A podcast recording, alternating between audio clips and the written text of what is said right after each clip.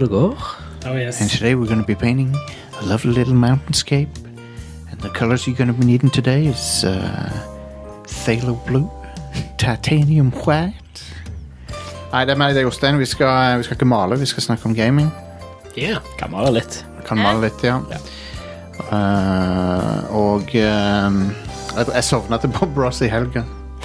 Sovna på sofaen. Nice. Så, så våkna jeg til var fem eller noe, klokka fem på morgenen.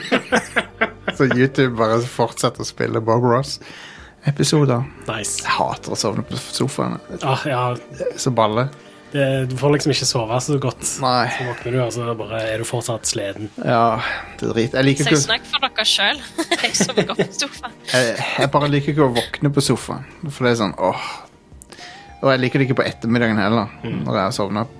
Sånn, jeg skjønner ikke folk som klarer middagslur. For jeg, jeg blir bare wrecked av det. Hater følelsen av å våkne etter en sånn middags... Ja, jeg har ikke helt, har ikke mestra den uh, powernap-egenskapen. Powernap for meg er minst tre timer. da, hvis du sover lenge nok til å komme i sånn dyp søvn, så er det ikke en powernapping, Elise. Sorry. Nei, Sånn Det er derfor jeg sier jeg har ikke mestra det. Uh, men ja, det er med. Det er Jostein, uh, Uncle uh, Jay, og så har vi uh, uh, fra uh, over bordet her. Fra overbordet. Hva er det du har? Hva slags telefon er det du har da? Dette her er en Samsung S10 Ah, med Um, deksel på den. jeg så de der, de der uh, Asus-telefonene. Asus sine mobiltelefoner. De er litt sånn styggfine på en måte.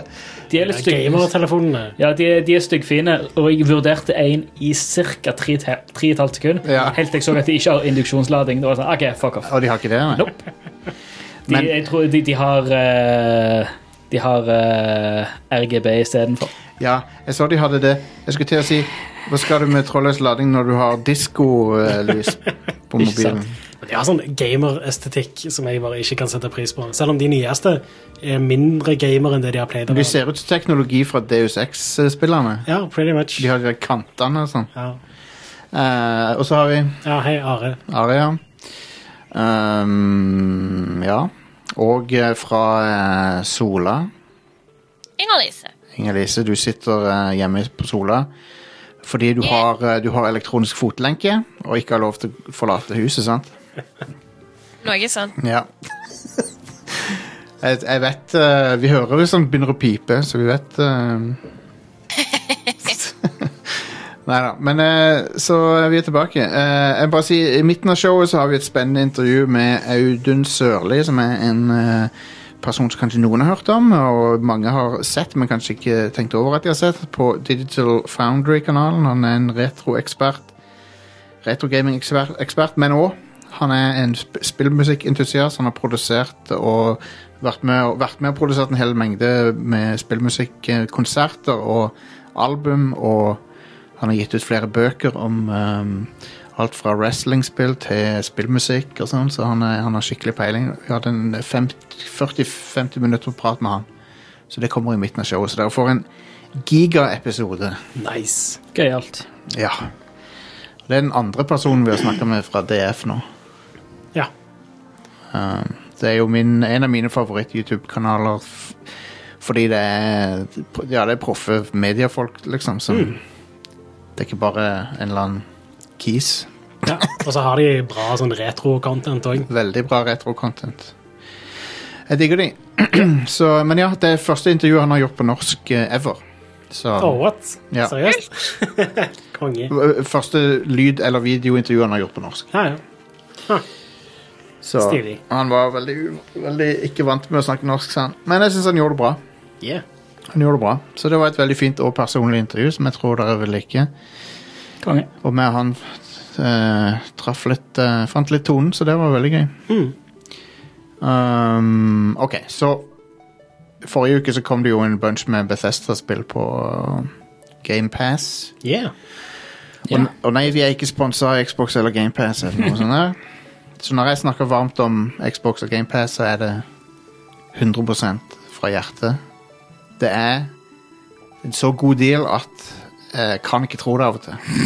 Ja, det er Du vil ridiculous. ikke tro. Um, du taper penger hvis du ikke har GamePass. Selv om du ikke hadde kjøpt noen spill, så taper du penger. Ok. Neida, men det er, eh, jeg vet at fol- folk Det er sikkert noen som ikke har Xbox um, og kanskje ikke spiller mye på PC eller som er sånn lei av at folk snakker om GamePass hele tida. Mm. Men det er, det er så bra som folk sier, liksom. Ja. Det er crazy. Altså, alle de spillene som kom fra Bethesda forrige uke til GamePass, er verdt å prøve ut. Er verdt å spille. Gjør det. Så. Um, Vær litt nærmere. Og da mener jeg ikke nærmere meg, jeg mener nærmere mikken. Sånn, er det bedre nå? Ja, det er bedre. Konge. Um, men ja. Og um, Så ja, jeg, jeg syns det er helt fenomenalt tjeneste. Um, og uh, de nå, nå har jo Microsoft finalisert kjøpet av Bethesda. Yeah. uh, som betyr uh, ikke noe mer Elder Scrolls på, PS, på PlayStation, sannsynligvis. Det er jo litt dumt, da. det er jo ikke så bra, men det er jo bra for enkelte, men ikke bra for andre. Og Phil Spencer hadde jo en prat der, Skal vi snakke om det i nyhetene? At de drev og gikk innom det? Jeg har ikke tatt det med, nei. Nei, for Phil Spencer sa jo basically det, da. At uh, framtidige spill kommer ikke noe annet sted. Ja, Nevnte vi ikke det sist uke? Kanskje vi gjorde det. Men, men han var, hadde et sånt intervju Ja. Så det er jo både Det er jo pluss og Det er jo oppsider og nedsider med- med det, da. Men uh, det er jo ikke tvil om at de har gjort en, uh, et varp når de har kjøpt uh, Bethesda. Hmm. Varp. Det var et ord jeg ikke har hørt på lenge. Now that's a word I've not heard in a long time. um, så ja, vi, så, så vi har sittet og krangla litt pre-show her eh, for si hva er de fem beste Bethesda-spillerne som er på GameFast nå. Og det er en liste som, eh, der alle har fått input, og ingen er fornøyd. Yeah. Så jeg håper dere Så det er demokratiet oppsummert eh, Det er demokratiet oppsummert så godt som det går, så godt som det går an. Ja. Um, så vi skal ta den uh, nå. Five, four, three, two, one. Uh, Pokémon er ikke på Xbox uh, GamePass, da. Det er de jo ikke. Men uh, det burde vært. Kanskje. Ja, I guess. Nintendo det er jo, jeg er jo fremdeles veldig bitter på at Nintendo ikke har noe bra abonnementstjeneste. De har jo Nintendo Online, eller hva det heter for noe. Ja, Men det, men det, og der har du noen Snes og Nes-spill. ja. Og så kommer det sånn ett i kvartalet. Ett nytt spill. De, de kommer en bråte med de sånn En- en gang i år eller Ja, noe sånt. Det er ja. ikke, Men det er sånn er Nintendo. Det, de, eh, de er alltid noen år bak eh, PlayStation og, eller Sony og Microsoft når Ja. det kommer til Ja. internetting. Vi fikk jo eh, Mario 35, da. Inkludert i eh, Nintendo Online. Men det forsvinner nå i slutten av måneden. Ja. Så kan du ikke spille dette. Det, er det er dumt. Det er et, bra, det er et gøyalt spill, men Ja, Så det, det er litt dumt at spill forsvinner på den måten. Helt. det er tullete. Um, all right. Five, Eh, på femteplass så har vi Parade, som Are vil ha på nummer én, men det slo vi fort ned. Skutt ned. Shutting you men, men, men jeg vil gjerne at du eh, Men jeg vet at du liker Pray, jeg vet at Inger-Lise liker Pray, så, så Ja. det, det er viktig at vi får representert eh, eh, feil synspunkter òg. Nei, det er bare tull. Jeg skal slutte nå. Jeg skal slutte nå. Ja, ja. Det, eh, jeg bare tuller. Du, men men Ja, to, be, to be fair, da, hver gang jeg nevner noe Dynasty Warriors, eller noe sånt, så er du ute og skyter det ned med en gang. Dynasty whatevs, mener du? Så jeg har litt lov til å jeg har lov, må, av, og til, av og til så må du være lov å, å Skyte tilbake. skyte tilbake. Return fire.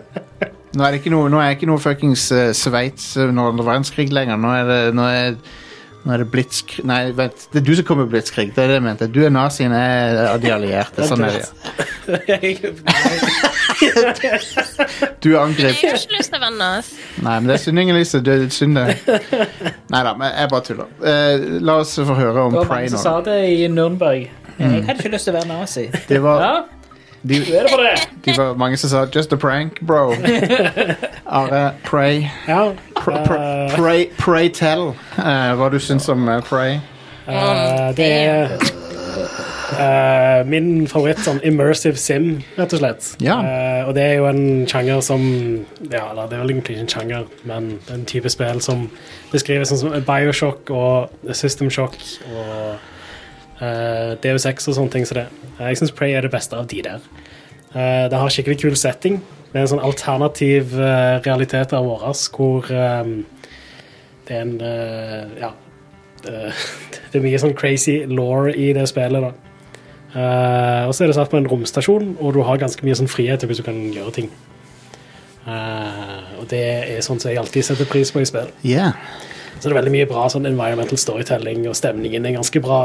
Storyen, eller settingen er veldig kul. Storyen er litt sånn eh. Ja. Men uh, det er mer bare en sånn unnskyldning til å utforske. Og det å utforske den romstasjonen er magisk. Tant, hva den heter for noe? Ta, ta, hva den heter romstasjonen? Talos er det, ja. Ja. Stemmer. Uh, ja, Inger-Lise, du, du er jo fan av dette her. Ja, eh, det er jo egentlig ikke mitt type sjangerspill i det hele tatt, men jeg falt helt på dask for den. jeg. Ja.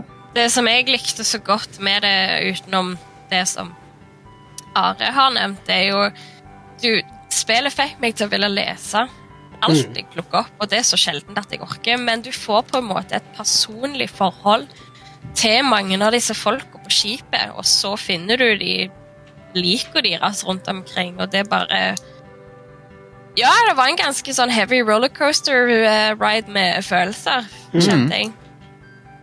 Cool. Og så utrolig kul setting. Kult at du kan komme deg ut forbi romstasjonen.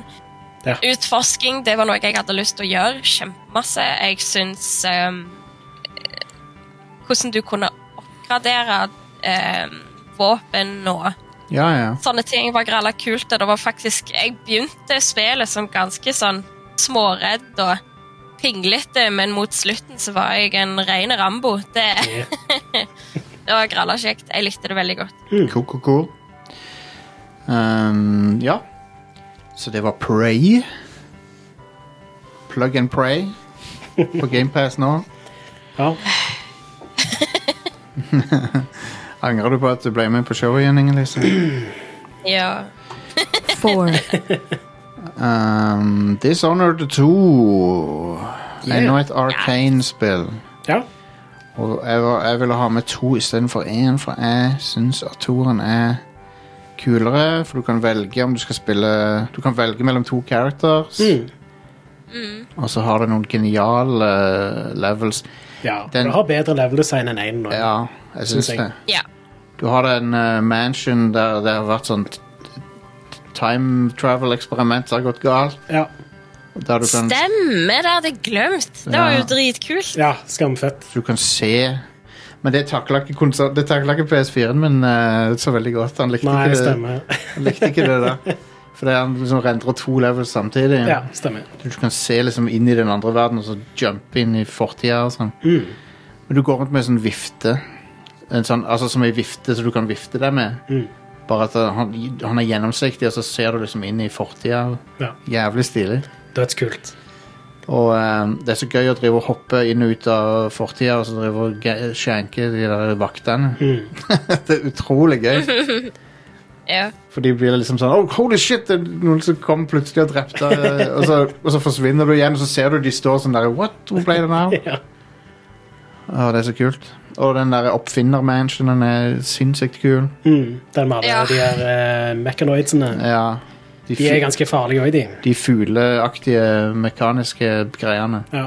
De er, ja, de er faen meg brutal. Du klarer ikke å ta Du klarer så vidt å face en, en mot en. ja. Men hvis det er to, så er du fucked. Yep.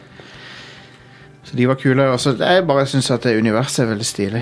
Jeg liker eh, metaforen eller eh, for uh, energimangel som, som vi har. ja. Det er òg et spill med en veldig kul setting, Ja. rett og slett.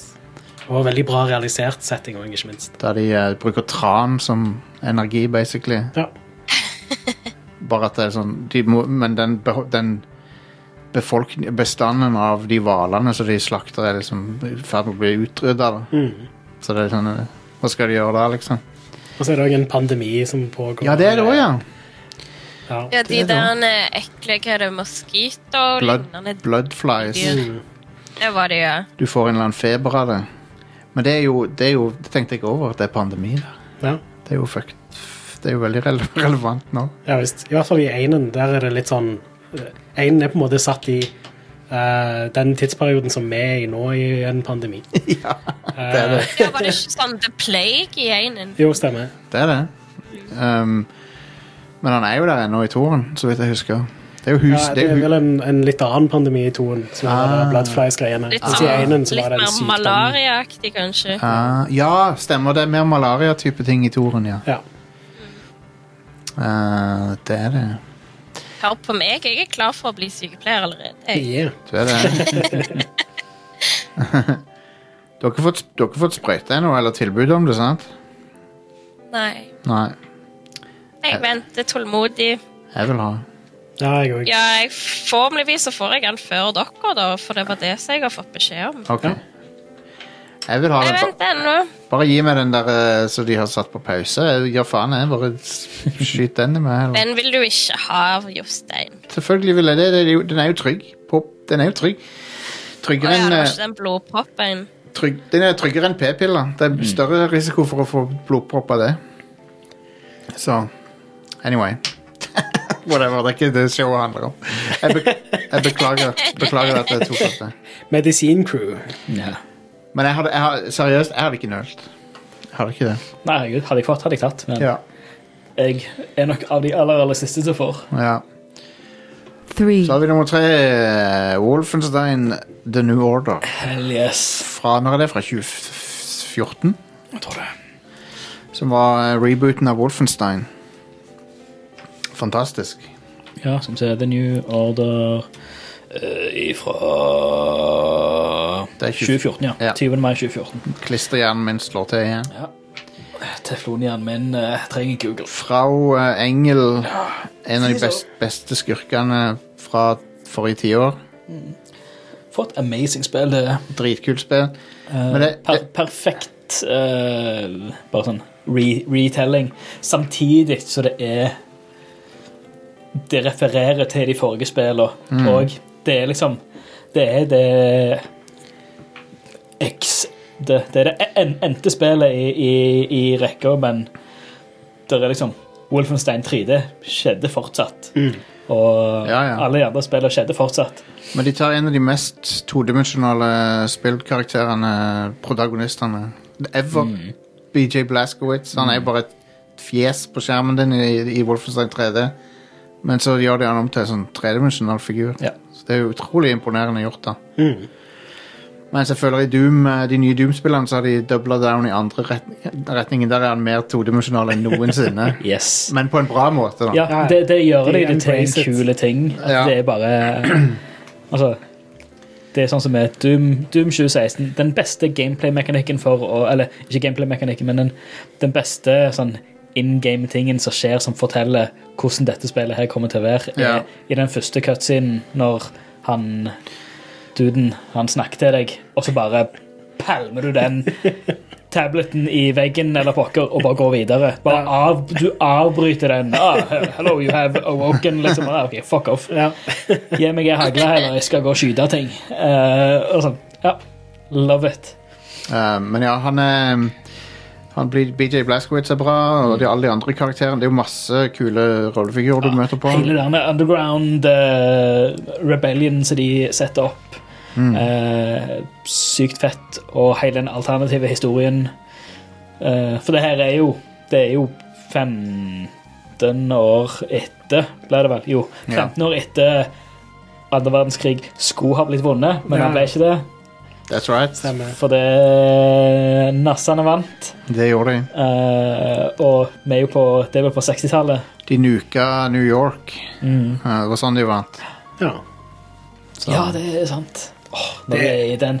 er det i dette eller er det i New Colossus hvor du er i New York? Post Det er i New Colossus, det. Ja, Tror jeg. fuck, det er kult. Mm. Ja, Eh, det er sinnssykt bra story og filmsekvenser og sånt Ja. i uh, Ja, fy de nye. Det er, bare Måten de bygger hele den verden på, er Mm. så det, det er liksom Det er troverdig på en måte. Du, du hiver litt sånn overnaturlig, litt sånn ja, ja. Litt sånn Hitler-okkultisme inni. Bare sånn, Ja, hva, hva, hva hvis den okkultismen som han faktisk forska på og lette hva hvis det faktisk var, en, var real shit, liksom. For det er, heb det er sånn hebraisk eh, Ancient heb hebraisk teknologi og sånn. Det er så kult! Ja. en powersuit fra Og han der uh, Hva er det han heter? Han, uh, han, han, han gamle jødiske eh, Seth Roth, er det vel han heter. Ja, han er kul. Eh, Dat Yichud er det vel heter, den, eh, Stemmer. den ordenen. Det er konge. Ja, når jeg treffer han Seth Roth, Seth, Seth Roth bare, For en karakter. Og bare sånn Det er sånn det, det er så perfekt analogi til ok, hva, hva er liksom, det kuleste du kan ha opp mot et Ja. overveldende naziregime. Jo, det er en sånn en Powersuit fra gamle dager. Powersuit fra sånn en ancient forgotten, te forgotten Jewish tech. Liksom. Ja. Sånn, det er så perfekt! Det er så poetisk perfekt! Det er så det, nydelig! det er veldig kult. Men hun skurken er veldig skremmende og veldig bra. Og sånn, eh, men så, så kan jeg minne folk om disse folkene skal lage Indiana Jones-spill nå. Ja, Yeah. det var kult. hvem, hvem kan ikke være bedre enn de som lagde liksom de eh, skremmende naziene i Wolfenstein mm, sant, The New sant. Order? Det må jo bare, kan jo bare bli bra, det. Ja, visst. Ok, så eh, på nummer to folk, Jeg tror folk blir pissed off på denne lista. her two, Doom, originalen. Originale Doom. Det er, det er sånn nøff sett, egentlig. Det er mesterverk. Det er Bare Ikonisk. se videoen til Tim Rogers som Doom. Var det den sekstimersvideoen? det? Nei, den er ikke så lang. Den er tre timer, tror jeg. Jesus Christ. Det er kort, kortfilm, det. Bare, den er bare like lang som Fellowship of the Ring. Så. Ja. Sant. Men, eh, men du med faren til alle shootere. FPS-er. Den er helt fantastisk. Så. Ja. Og, og musikken er jo nydelig. Ja. Herlig. Det, er- og det, det er fullt spillbart og like, like kjekt å spille det den dag i dag som det var for Ja. Det har holdt 30 år, seg. 30 år siden. Absolutt. Og så har vi en eh, Ja, det er sykt. Ikke, ikke, ikke, ja, det, er, ikke helt redd, men nesten. Men ikke, ikke, ikke begynn, Stian. Please. Nei, please. one, Så har vi en uh, før, vi tar, før vi tar en, så har vi, så har vi to, en komma Nei, null Ja, noe sånt nå. Det, vi har en sånn mel- eh, Honorable mentions før vi tar nummer én. Okay, Ja. De er ikke på lista, men det, det er jo litt sånn Folk kommer til å klikke på oss, men uh, Det er Doom og Doom Eternal. De, Ja. de to uh, nye Doom Doom-spillene. 2016. Ja, de er jo helt fantastiske. Så Moder bra modernisering av originale Doom. Ja, det er klassisk Doom, rett og slett. de er det. Det, dette, ja, dette er et spill som jeg vil ha Jeg, jeg, jeg uh, went the high road, og jeg krangla ikke på at disse ikke, ikke var på lista, men på min liste hadde disse her vært på, på topp, tror jeg. Men Doom, 90, altså Doom 93 er jo eh, Ikonisk. Ja. Det, det, det er liksom det, det, det er som pizza. Altså, Ja. Pizza kommer alltid til å være fantastisk, og Doom 1 kommer alltid til å være fantastisk. Oh yeah. Oh yeah. Classic.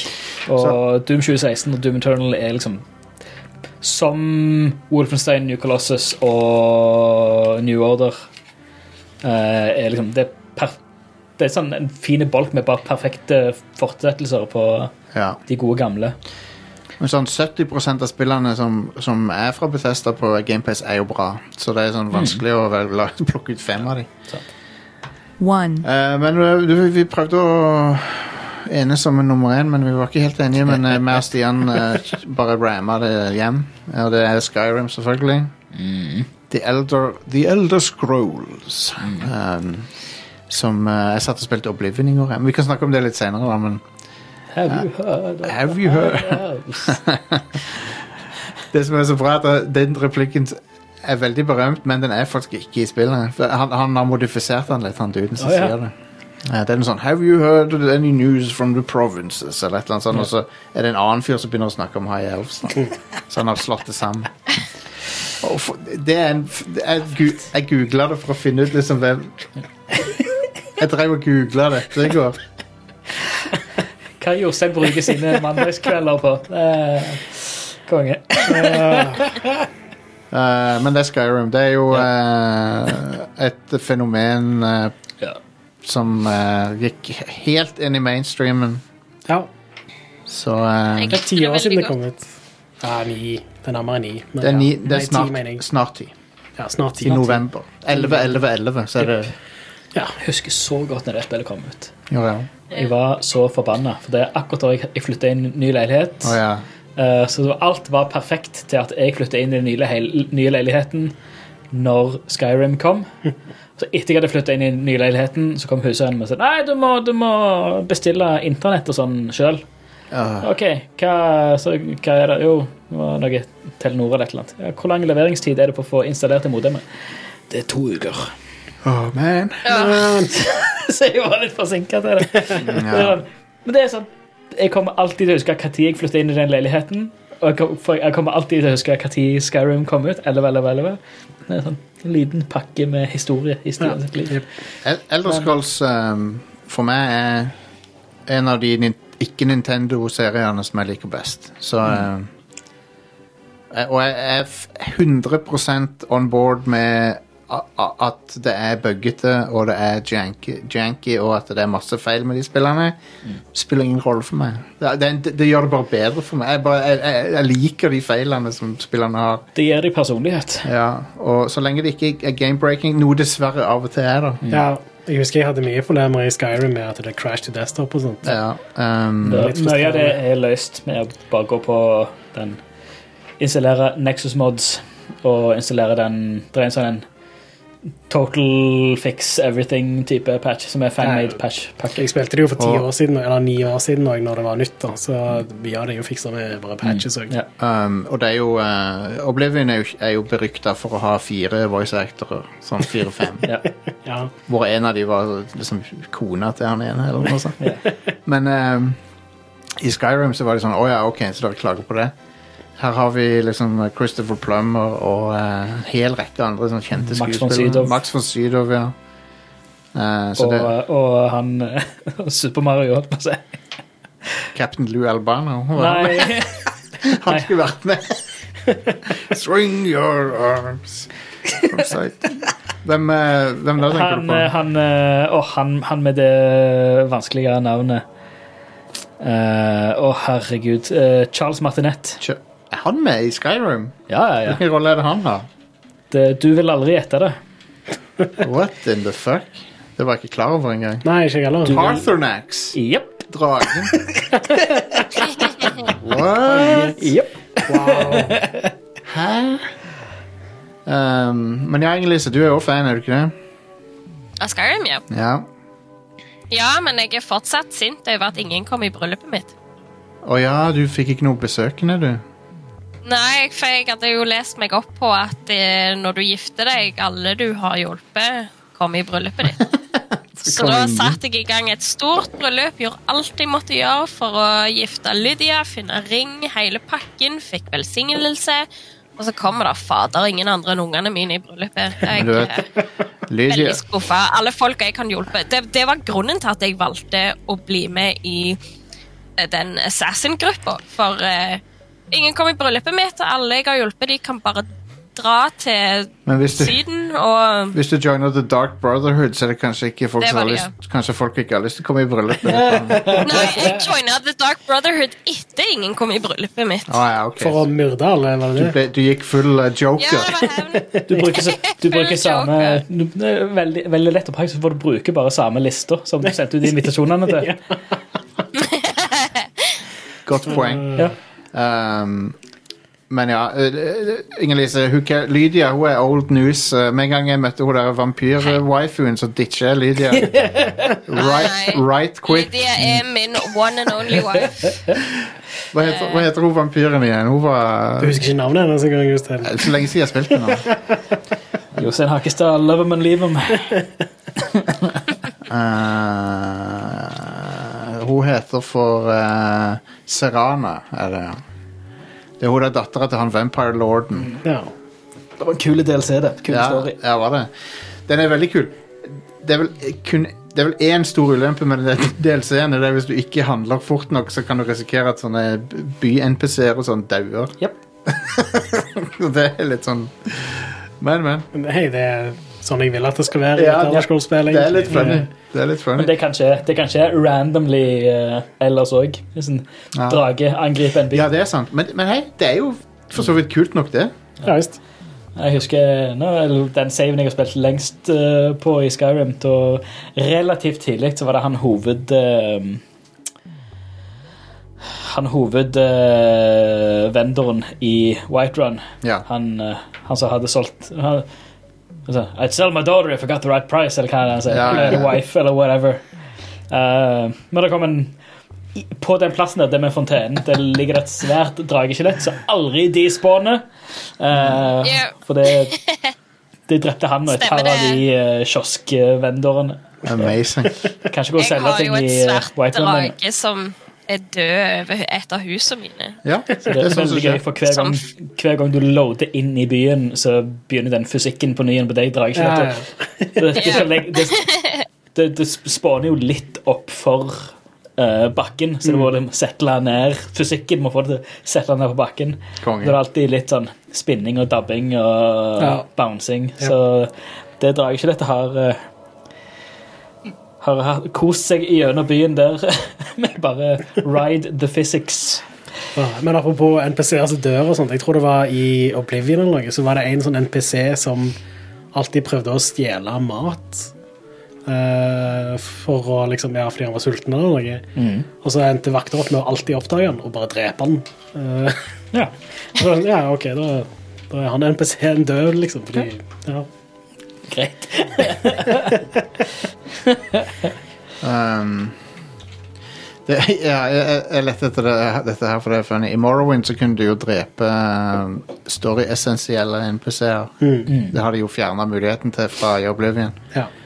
Men uh, da fikk du opp den meldinga With this character's death, the thread of prophecy is severed. Restore a saved game to restore the weave of fate, or persist in the doomed world you have created.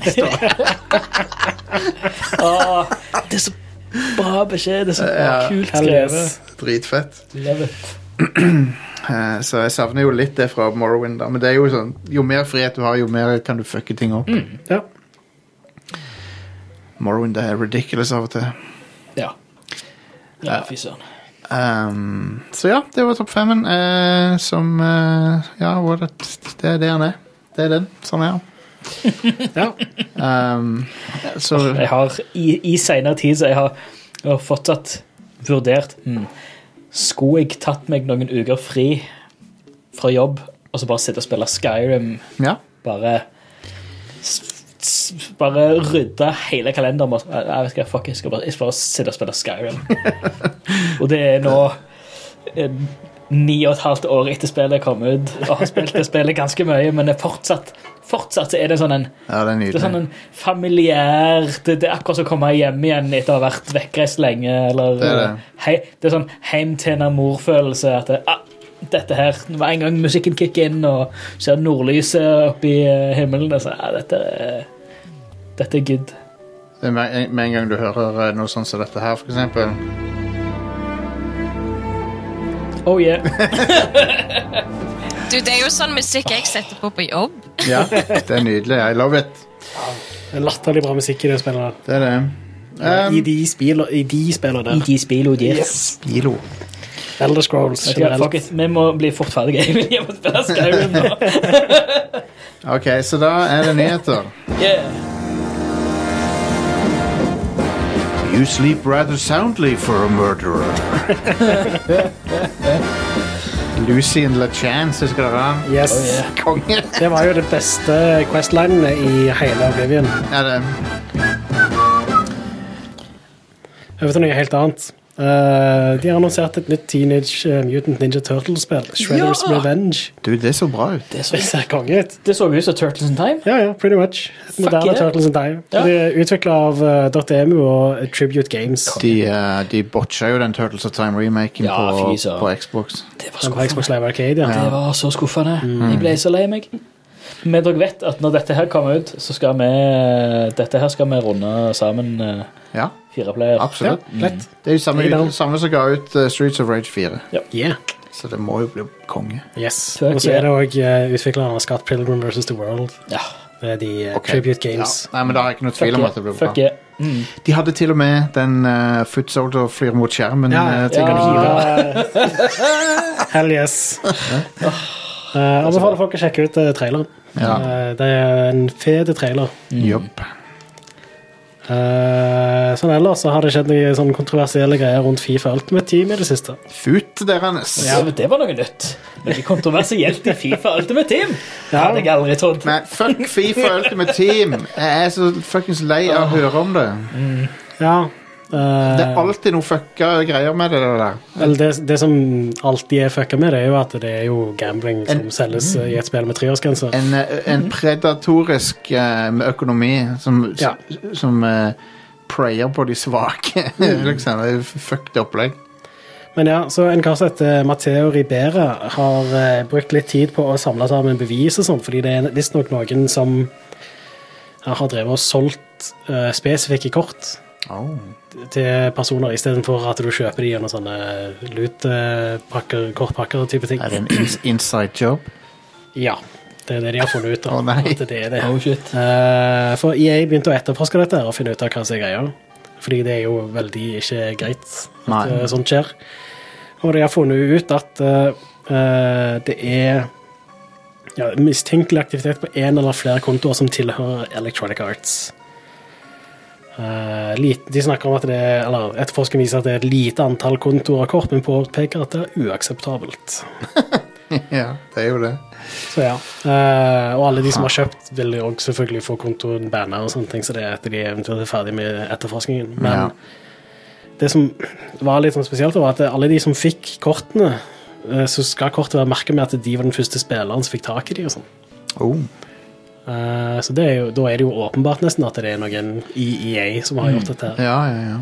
Og de har solgt kort for sånn mellom 7500 kroner og helt opp til 20 000 kroner prisen. Jesus, liksom, altså. Det er jo sånne kort som er helt ekstremt vanskelig å få tak i. What the hell? Ja. Men uh, ja. Uh, jeg, jeg håper dette gjør sånn at folk bare sier fuck Fifa Ultimate Team, det suger. Men Det er jo det den mest populære tingen med Fifa, så ja, det Det gjør litt vondt, det, da. det er det. Men er du sikker på at det er den mest populære tingen, eller om det bare er Det er den mest den tingen- innbringende Ja, det er den mest innbringende tingen. Men Ja. det kan Jeg håper jo egentlig litt at det er bare å spille singleplayer sammen med kompiser eh, i sofaen eller noe. Jeg, er håper, populært, jeg men- det. Uh, multiplayer eller ja, whatever. Yeah. Anyway, uh, ikke gi EA penger for Ultimate Team, please. Eh, Ok. Siste nyhetssak er Det er ikke så veldig mye som har skjedd i det siste. Uh, men uh, THQ Nordic har starta et studio som skal utvikle en eh, Gothic remake. remake. Gothic, ja. Ja, De heter da Alkimia Interactive. First Price uh, Elder Scrolls. Pretty much. Eh, men det første Gothic er jo eh, ganske bra. Ja, jeg, jeg, jeg sier det på Jeg mener det godt når jeg sier at det er First Price Du mener, du mener det er goth? Ja, det er goth, ja. Ja, det er Ja, det, det, er sånn, jeg, det er sånn et spill jeg alltid har fått anbefalt. Det er Ja, skikkelig sånn knotete uh, Eurojank i uh, Western RPG, CRPG. Det er, det, er bedre enn Two Worlds, tror jeg. ja, absolutt. Men det er sånn eh, à la det. Ja. Bare bra. Two arms, Um, One cap. Yep. Uh, de kom jo òg For rundt et år siden så kom det en sånn en playable teaser av Gothic remake. Ja. Den var ikke så bra. Uh, PTE kom ut. Ja. Så jeg er litt sånn cautiously optimistic til en Gothic eh, remake. Jeg Ja. eh, håper jo at det kan bli kult. Ja. Um, men ja, eh, det blir interessant å se. Dette Det var, det var liksom nyheten. Jeg har, eh, jeg har en til, Ja, okay. som ble breaka for en eh, time siden. Uh, uh. Eh, litt i samme, samme gata. Uh, men Jade Raymond har jo, hun slutta jo som kjent i EA og steppa ned som producer for Assassin's Creed. og sånt. Ja, ja. Eh, hun har nå starta et nytt independent studio Så kult. som heter Haven. H-A- Haven? Ja, Haven. H-A-V-E-N. uh, og ikke mye info annet enn at det er et uavhengig selskap, uh, og de holder på Første prosjektet blir en helt ny IP eh, som blir utvikla for PlayStation. Ja, Nice. nice. Eh, men de har ikke sagt noe om Sony funder det, eller noe sånt. Der, Eller om det bare er indie for Sony, eller Eh, Hvis det, hvis det er bare på PlayStation, så får de penger av PlayStation. Ja. ja. Eh, men, men kongenyhet. Jeg var redd for at hun skulle liksom bare drite i å lage spill lenger. For det. Ja, Måten, altså, måten hun har blitt behandla på. ja, det har jo vært ganske mye eh, bås rundt det der. Ja. Uh, men ja, i tillegg så i, i nyere tid så um, Hun var jo produsent for um, Stadia, Ja. og de slapp jo aldri ut Nei. spillet engang. Eller det hun jobbet med før de bare la ned hele greia. Ja. Og hun, hun skriver jo òg at hun, hun nevner ikke navn, noe sånt, men hun skriver at um, uh, Altså Today I'm announcing Haven, an, an independent studio where many of the talented game developers I have worked with for years and love dearly are coming together to do what we are most passionate about. Så kult, hun, har med seg, eh, hun har nok med seg et dream team ifra, som hun har jobbet med tidligere. Så bra. Så det, um, jeg tror det blir et uh, force to be reckoned with. Det tror jeg, òg. det høres konge ut. har, uh, hun har mye i, i ryggen, hun. Ja visst. Grei CV. Ja, absolutt. Du husker Jade Raymond, Inger-Lise? Det er lov å ikke huske henne, altså. Jeg bare lurer på om du husker henne. Nei, jeg tror ikke det. Hun, er- hun produserte jo første Assassin's Creed. Ja. Hun liksom kick, Ja, det fikk jeg med deg. kick, kickstarta den serien. Ja, takk. Ja. uh, så hun er Nei, det ser jeg fram til. Altså. Det gleder jeg meg virkelig til. Ja. Det blir konge. Det er bra uh, Så Haven, altså. Haven der, hennes haven. Og Haven. ikke, ikke bare er det Jade Raymond, og ikke bare er det et nytt selskap, et uavhengig selskap, men det er en helt ny IP òg. Det er alltid kjekt å se. Pricefire. Um, Pressfire hadde en sak i dag Det er ikke en spillnyhet, sånn sett, men om at Sony selger eh, Nei, eh, CD-On selger um, PlayStation 4 med, med nazi-decals på. det basically What? Det er vel uh, Straight- hakekors-decal til PlayStation 4. straight up hakekors på eh, PlayStation og på DualShock 4. Men det, det er jo gjennom en sånn tredjepart som CD-On tilhører, da. Så Ja, det er sånn CD, CD-on Marketplace-type greier. Ja, og, og, så, eh, og så har det så har det gått gjennom kvalitetskontrollen der på et eller annet nivå. Ja. Det, det er merkelig. De burde jo ha Ja, det er sånn- kontroll der. Det er Altså. sånn, du, kan, du kan si sånn at ja, det er automatiske prosesser, og sånn, men det, det er fuckings hakekors. du, du burde catche det på et eller annet Ja. nivå. Ja. Men uh, CD-en sier jo at de har fjerna den nå. De, de har fjerna det. Så bra. De har Så det. Eh, men jeg kommenterte under saken CD, CD Don't do that. Kommenterte jeg. Hilarious. Cute. Ja. Men det var noen eh, det, det er et par brainlords i kommentarene her som eh, Som mener eh, Lenge siden krigen nå, på tide å glemme, var det en som skrev. Han er blitt nest, Veldig, veldig uh, nazi-ting å si. Han er blitt downvota hardt. Um, så På jeg, tide å glemme ja, Bare glemme Jeg holocaust. jeg elsker sånne Ja, bra hvorfor lære noe av fortida? Hva er vitsen med Det var en annen Det var en annen eh, Det var en annen fyr Beats som me. Det er en annen fyr som skrev uh, at uh, han mente at uh, Jo, men hakekors har blitt brukt til andre ting òg. Ja. Ja, ja, det er ikke um, Ja, det, det. det er definitivt de andre tingene folk kjenner det for. Ja, det er definitivt det. Yep. Um, elsker sånne kommentarer, brainlords, som, um, som- som skal prøve å nyansere hakekorset. Det er veldig fint. Dette, det var bare, vet du hva? Dette var bare for min personlige uh, For å more meg sjøl at vi nevnte dette. ja. Men jeg er jo innafor det. Ja. Men det står det noe annet på Pressfire? der? Jeg har ikke sjekka nyheten i dag. skjønner du. Opp. CD-en har jo sagt at dette er ikke noe vi står inne for. og sånn. Ja. Men uh, Tiger Woods serien og comeback hos konkurrenten. Ok, kult nok det. Ja. League of Legends Mr. Alien vs. sponsor. Hva er det 2, 2K Tiger Woods, basically? Er det det? Ja, se der. 2K Sports. Ja. Ok. Uh, good. Det er jo kult. Uh, hvis du vil ha En, oi, en fan fiksa den ekstremt lange loadetida i GTA Online Ja, og får 10 000 dollar av Rockstar Um, fordi jeg- de bruker, den, eh, de bruker fiksen hans. så jeg kan bakgrunnen til den historien, og det er at det var en jævlig stor tekstfil, uh, eller Jasonfil JSON-fil, dot JSON-fil, som, som han klarte å redusere noe voldsomt, Ja. Fett. og så Nice. fiksa det loadetida til GT. Implementerte en fiks som kutter lastetida med over 70% i enkelte tilfeller. Det er Wow. dødskult! ja, konge. Så Og- eh, kudos til Rockstar til å, så de, til å følge med på det. Liksom. Og Ja. eller Ikke bare følge med, men å følge det opp òg. Liksom. Det, det er sånne ting som det, det er kult å sette en, en verdi på. Ja, eh, og Det er det. belønne. Det er bra. absolutt. Eh, Så gratulerer til han. Ja, godt jobba.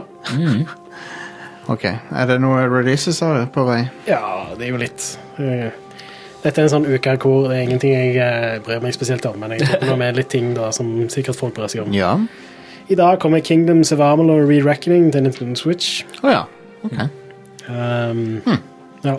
Jeg visste ikke at det skulle komme, jeg visste ikke at det skulle komme til Switch. Da kan du spille konkurrenten til, Du kan spille Skyrim og konkurrenten til Skyrim på dass. Ja. De kom samtidig, de, omtrent. Konge. Ja. Det var, det var jo en periode da sånn, å, Kingdoms of Amalur skal liksom ta Elder Scrolls. Folk drev og snakka om det. Jeg- det. Men det kom vel litt etterpå, gjorde det ikke det? Jo, jo. Det For kom det litt kom etter. i 2012. Tidlig 2012. Ja. Jeg husker at Ja, det var etter tre, tre Skyrim måneder senere. ja, jeg husker etter Skyrim så var jeg bare ikke interessert i Kingdoms of Amalur. Jeg tror det- ikke jeg hadde en skikkelig god sjanse. da. Tingen er, Kanskje at, jeg det. Ja, tingen er at det er jo laga av fyren bak Oblivion. Ja. Ken Ralston. Mm. Og det er masse Oblivion-ting i det spillet som er sånn veldig Oblivion-aktig. Ja, jeg husker jeg reagerte bare på dialogene. Føltes veldig sånn eh, de, de sa en ting som kunne blitt sagt med én setning, på, brukte tre setninger på det. liksom og sånt. Altså, det var bare sånn, Jeg følte at det bare sløste vekk tida mi. Ja. Februar 2012 var det kom. ja. ja. Tre, stemmer. tre måneder etter Skyrim. Det er kun Oblivion og det, Det er som- dårlig timing, altså. det, det, Jeg tror, tror det er kun det og Oblivion som jeg har sett som har en sånn uh, halvsirkel life lifebar som dra draines mot midten sånn. Når du, når du begynner å skade folk. Du begynner Ja. det på sidene, og så går du ut- inn mot midten. Ja, stemmer. Veldig weird måte å lage en lifebar på. Ja. Det har jo òg et litt sånn uh, action-kampsystem, Ja. med ja, Oblivion og Skyrim og sånt. Minner meg om uh, Sånn som Genshin Impact er nå. Det er litt, ja, litt sånn som det. En annen ting som kommer i dag, er Stubbs the Zombie, Rebel Without a Pulse. På, på Nintendo Switch, PlayStation 4 og Xbox One. Ja. Stubbs the Zombie husker jeg fra PS2-dagene. Ja, det var vel på Xbox, var det ikke det? Ja, det var vel ikke på PlayStation Nei, men det var den generasjonen. Ja, stemmer. Jeg spilte det på PC, husker jeg. Ja. Uh, jeg, jeg husker ikke så mye av det. Jeg husker jeg synes det var Ja, Det har nok sine, det har nok sine fans. Sikkert. Alt, alt har sitt publikum. Absolutt alt har det. Mercy Skins på PS4 har sitt Abso- publikum, så da kan sikkert Stubster som de har et publikum en eller annen plass. Det. Ja, noe annet som faktisk har sine fans, det er Undertale, som også kommer ut i dag. På Xbox One og Xbox Series. Nice. Det har ikke vært på Xbox før, det. Nei. Eh, og det er jo et helt fantastisk spill. Ja, det liker jeg godt. Anbefales. Ja, det er litt jeg har spilt det. Det var veldig bra. Det er veldig um, Det er interessant. Spill på mange måter. Ja, absolutt. Og musikken er amazing. Ja. Den mye. er så bra. Virkelig. Ja. Uh, på torsdag så kommer Marvels Avengers til PlayStation 5 og Xbox Series. Vent, vent, vent. vent. First Price Avengers. Jeg, jeg har skrevet her sånn, Jeg pleier å skrive hvem som utvikler spill, og sånt, og da har jeg skrevet Crystal Dynamics slash First Price. Ja. Ladies and gentlemen, we got him. Yep. Det var, det var ikke den i verste versjonen. Stoler ikke, stoler ikke på deg lenger. Men, Ar men Ari ga dem. det var derfor jeg spilte den. Mm. Yep. Så ja, det, det var ukas spillutgivelse. Det er noe litt andre ting som kommer òg, men ikke så mye som egentlig er så veldig interessant. Men hvis dere ikke har spilt Undertale, så bør dere Å, gjøre det. Link! Du er deilig. Ok. Uh, jeg vet ikke om alle har fått det med seg, men jeg, jeg skrudde på PS4-en min med et uhell her om dagen. Jeg skulle tørke støv, og så kom jeg borti PlayStation-kontrollen. Så skrudde PlayStation på. Ja. Første gang jeg var på, på sikkert et halvt år eller noe. Men da tenkte jeg ja, jeg går inn og ser hva som er What's the deal? Uh, men da var jo Final Fantasy 7 remake på PlayStation Plus Ja. denne måneden. Så Ja. last ned der, så får jeg sikkert spille det. ja, hvorfor Det må du teste ut. Må du teste ut. Se om Jeg skal det- faktisk spille det se om det er worth the hype. Ja, spill Jeg skal jo spille det nå, for nå er jeg ferdig med det jeg holder på med. spill det begge to. Det er veldig lett å komme inn i forhold til de gamle uh, versjonen. Men løye å si at et så stort spill som var så ekstremt hypa i fjor, er tilgjengelig der. Ja, bare ett Og- år senere. Ja, sant. Det er en god deal, det. Det er jo, eh, betyr jo at de kanskje prøver å ta PS Plus litt seriøst. Da. Ja. Og det er liksom ikke så mye hype nå lenger om hva som er på PS Plus lenger. I hvert fall ikke på, på, på PS4. Men- I hvert fall når GamePass har tatt så av og tatt så over. Lenge har det, jo vært, har det jo ikke vært noe hype om PS Plus. Nei. Men kanskje de prøver å gjøre noe med det. Kanskje. Ja, kanskje. jeg Det er bare rart. Jeg har ikke sett det noen plass. Det står ikke på Kotaku eller eh, IGN eller ja, når de, når de em, annonserte denne månedens eh, PlayStation Plus-spill, så så jeg at det var Jeg har ikke fått med meg at de har annonsert denne månedens PS Plus. De pleier å gjøre det hver måned. Nei, Sånn, de gjør det vanligvis ei uke før det kommer ut. Ja. eller noe. Innen ei uke. Jeg tror jeg får uh, noe nyhetsbrev eller noe. Men jeg får så mange nyhetsbrev. Men jeg tenkte jeg kunne nevne det for de som ikke hadde fått det med seg. Ja, Så det er god. er det sikkert, det er sikkert mange som har sittet på benken der. Det er vel et annet spill òg på PlayStation Plus denne måneden, eller Remnant. Remnant, ja. Det Ja. er et helt OK eh, sånn Rogelike. Litt à la The Surge uh, og, Ja, litt og sånn Dark eh, Souls. Souls-like. og- First Ja. Price, Dark Souls. Nei, det, Men det, det, ser, det, det er ser kult ut. sånn Ja, det, jeg, jeg spilte det litt på PC. Uh, og det er litt sånn Cthulhu Lovecraftian-aktig. Um, Nice. Veldig kult. Det Ja. I hvert fall verdt å spille hvis det er i hermetegn gratis. Ja. det var uh, ukas utgivelser. Ja. De viktigste, ifølge oss i Ride Crew, og vi er ekspertene. Ja. Uh, ja, noe sant. Vi vet. Vi Vi vet vet best. Vi We vet i hvert fall. know. Are, know. Are knows We best. know med sånn hånd, håndverket. Ja. We Men- know. jeg vil det jeg vil bare liksom, spille. Skyrim nå. Jeg vil begynne å snakke om Skyrim. Jeg vil bare Ah, jeg, jeg har egentlig bare lyst til å vente til, til det kommer et nytt Elder Scroll heller. Jeg, jeg trenger It's, ja. it's, it's you, the hero of Kavach. Men det er vel kanskje såpass lenge til det kommer et nytt Elder Scroll at jeg bare skal spille Skyrim. igjen. Jeg tror at det er tre år til. Spill Skyrim, og nå har et 3080-kort bare pøs inn med mods til bare å uppe alt av uh, teksturer og vann og Ja. moddet til helvete. Og få det til å se insane ut. ja. Det er time. en god plan. Mm. Skal vi ta en liten break før vi Hæ, nei, det var bare den derre Have you heard of the High Elves?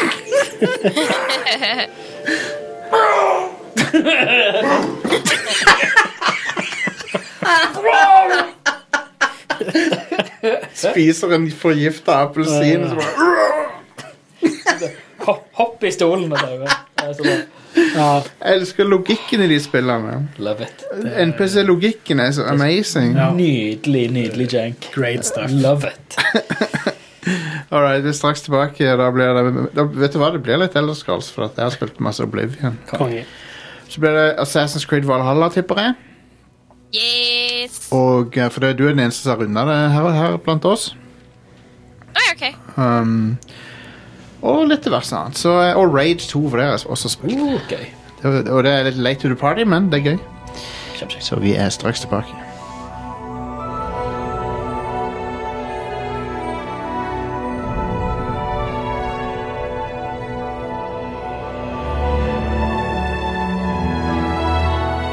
Og som et lite segment, eh, ekstra segment her på Radcrew denne uka, så har vi fått besøk av eh, Audun Sørli, som jeg tror kanskje en del kjenner fra Digital Foundry etter hvert, der han eh, figurerer i diverse retrovideoer, men òg litt andre ting etter hvert. Nå ser det ut som eh, Hallo, Audun. Hallo, Hallo, velkommen skal du være. Og eh, jeg må jo innrømme, det er jo, det er jo Digital Foundry hovedsakelig som eh, gjør at jeg inviterer deg hit, for det var eh, der jeg på en måte husker at du du, du, du, For der, du, begynte å dukke Jeg har jo hørt om det før, men så begynte du å dukke opp der, og du bare tenker å ja. Han er interessant, en interessant person å få på showet. Ja, det er som jeg sa til deg før vi begynte å ta opp. eh, Det er vel første intervju jeg har gjort på norsk noensinne, det her. Så Konge. det kan jo bare gå nedover herfra. Vi er en podkast som liker å eh, være først ute på ting, så det, er, det passer oss eh, ypperlig. Um, men ja, uh, det er spennende, spennende det du holder på med på Digital Foundry de siste årene. Ja, nå er jo det Nå i det siste så har det vært veldig i skuddet, siden jeg faktisk blitt med på teamet, da. Ja, Konge. Men eh, ja, før det så har jeg jo hjulpet til med DF Retro spesielt, da. Ja. Og der, der, har du jo, der bringer du jo med deg en del ekspertise på uh, alt fra uh, hardware, uh, retro hardware til retro musikk, spillmusikk til, til mye rart. Og, sp spi, eh, spill musikk er jo, en del ting, er, er jo en ting som du har en hel masse peiling på, og, um, og er det, hvor er det den interessen begynte? Og, og så, altså etter hvert nå så tenkte jeg vi skulle gå litt gjennom, for du har jo vært innom en hel haug med ganske crazy prosjekter når det gjelder spillmusikk, men hva var det som kicka den interessen av, på en måte? Nei, altså når jeg var veldig liten, så hadde vi NES og Commodore 64. Og det var absolutt der det begynte, og da særlig med et spill som heter Gianna Sisters. Ja, Som var Chris Holsbeck som gjorde musikken til. selvfølgelig. Og Holsbeck ble veldig viktig i mitt liv etter hvert også. Absolutt. Eh, men eh, det, var, det var første gang jeg kan huske at jeg liksom satt der, spilte et spill og ikke bare tenkte på hvorvidt jeg skulle komme meg fra venstre til høyre, Nei. men også det at musikken faktisk la til et nytt lag da, med kreativitet, og liksom fikk meg veldig med i eh, den verden det var i. da, for det, det som var med Gianna Sisters, da, var at eh, det var en slags lyddesign, det at når du begynner spillet og begynner brettet, da, eller stagen, eller hva du sier i dag, eh, så det blåser, det er en liten vind som kommer inn, En som da liten liksom eh, vis- visker deg inn i den drømmeverdenen du er i. Ja. Og, og altså, jeg var jo ganske ung, men jeg, da jeg hørte det, så var jeg liksom helt mesmerized, da, for jeg kunne ikke tro at eh, et spill hadde slik kunstverk i seg, mus musikalsk. ja, ja, ja. Eh, og og da, og selvfølgelig musikken til Chris var også fantastisk. Altså, Det er vel fra min side da, så føler jeg at Gianna Sisters kanskje til og med hadde bedre musikk enn en viss annet spill som var veldig likt. Ja. Men uh, det kan vi jo kverulere om senere. Det jeg kan si, altså det, jeg har selv, jeg la jo selv tidlig merke til Chris Hulsbeck, da, og det, ehm, det, det som kjennetegner hvert fall, ja, alt fra Turrican til Gianna Sisters er jo at det er skikkelige melodier med en A og, en B-del, og de, de, det makes sense musikalsk sett da. Det er ikke bare en liten kort jingle, det, det er liksom det ordentlige verk som han har skrevet da. Ja, for han laga på en måte album innen spillene, ikke sant? Det var for han var det en måte å få musikken hans ut på. Han tenkte ikke For det, dette var jo en tid hvor spillmusikk var gjerne Pac-Man og Space Invaders og sånne ting. Det, det var jo bare noen år foran. Ja. Og da var musikken rett og slett eh, en effekt, en lydeffekt, som da noen ganger kunne ha en harmoni, men som oftest ikke var noe you know, Det var ikke noe sånn Det var ikke sånn veldig dybde på det, kan du si. Nei, nei. Mens da Chris var jo forut sin tid, for han laga jo også den første trackeren på C64 som et Sound Monitor. Mm. Så da du kunne faktisk lage musikk på denne maskinen med visuelt uh, uh, hjelpemiddel. Og så han var jo helt liksom, Han er jo uh, bestefaren til chiptunes, sånn sett. Var han også, hadde han også noe med mod-tracking å gjøre og sånne ting senere? Ja, han, ja, altså, ikke så mye mod-tracking, men han hadde jo det TFMX-systemet eh, som hadde da syv kanaler på Ja. Amiga. Riktig. Og, så han har jo alltid pressa spillmusikk så langt som han kan. Og da også når du hører på Megadrive, sånn Megaturken, Ja. så er det et av de beste Megadrive-soundtrackene noensinne laga. Ja, jeg er enig, og, men også vet, Var han involvert med Super Turrican på Snes? Ja, begge to. Ja, ja. sitt verk. Så det var jo sånn Dolby Surround til og med på den tiden. ja, stilig. eh, jeg husker Jurassic Park på Super Nintendo også hadde Dolby Surround. Det var ikke mange av de som da hadde det. Nei. Så han var jo alltid en cinematisk komponist, da. Han var jo for meg en helt, sånn sett. Ja, han er vel Altså, han er jo en av de største europeiske spillkomponistene. Det er vel uh, I nyere tid så har du han uh, Jesper Kyd, vel, som er litt på samme Ja, Jesper Kyd var jo også veldig stor. Og også, han kom jo fra den tiden, han òg. Mm. Da han var mer en demoscene-kar, sånn som Jonne Waltonen og sånt var. da. mm, Så da, da har du mer med sampling og sånt å gjøre, som Mm. er ve veldig kult. Men jeg følte at Chris var eh, Han var noen som liksom lagde fra bånn opp, da. At han liksom Ja, ja, ja. verden med den lydskapet som han laga. Ja. Og det var jo da jeg begynte å Det var absolutt med Chris og musikk som jeg begynte å forstå at det, det her er kreativt en kunst som Mm. jeg liksom Og jeg var alltid Jeg, jeg har prøvd å lage musikk sjøl, men jeg har ikke noe talent. eh, men eh, det å formidle musikk, det å forstå musikk og det å produsere musikk, var noe jeg klarte å gjøre. Så det var jo liksom min entré til spilleindustrien. da. Ja, ja. Og, da, ja. Og, så, og det endte jo opp med at du har vært involvert i en hel haug med spennende prosjekter. Kan, kanskje vi skal ta litt sånn, sånn cirka kronologisk eh, no, noen, av de, eh, noen av de tingene Ikke alle, kanskje, men noen av, de, noen av de mest spennende tingene du har vært med på. For du har jo du har jo jobba med Du har jobba med Chris Hulsberg, vel, og, eh, og Nob- Nobuo Uematsu. Eh, så med Chris Holsbeck så ble vi beste venner eh, på 2000 2000-tallet en gang. Mm. Eh, nå begynner jeg å bli gammel, så nå husker jeg ikke så veldig godt når. Men vi møttes opp, og Altså, jeg hadde prøvd å sende brev til den, men gammelen sendte meg aldri noe tilbake. Så, men så møttes vi opp, og hadde ganske likt eh, humor, for det første, og også bare det at eh, jeg, jeg hadde et synspunkt på musikken hans, hvor, hvor den kom fra, og også hvor den kunne gå. Så jeg var noen som kunne hjelpe Chris med å måte, komme litt inn i andre sjangere og sånt. da. Så Chris begynte jeg å jobbe veldig mye med. Jeg har faktisk skrevet bok om Chris i Tyskland. Så det ble ganske fruktbart eh, Det var feil ord å bruke med Chris, kanskje, men eh, det var et veldig godt vennskap da, som den dag i dag Jeg snakker med Chris nesten hver dag. Fantastisk. Så, så veldig viktig i livet mitt på mange måter. Da. Og kommer alltid til å være det. Så eh, Men ja, kronologisk sett så er det vanskelig å si. Ja, Vi trenger ikke ta det nøyaktig kronologisk, men du, eh, du har jo vært eh, involvert i, i, i japanske spillmusikkmiljøer òg. Ja, ja. Altså, og det begynte jo med fordi da jeg begynte med selve spilleindustrien, det var på tidlig 2000-tallet, da jeg hadde akkurat gått ut av videregående, Mm.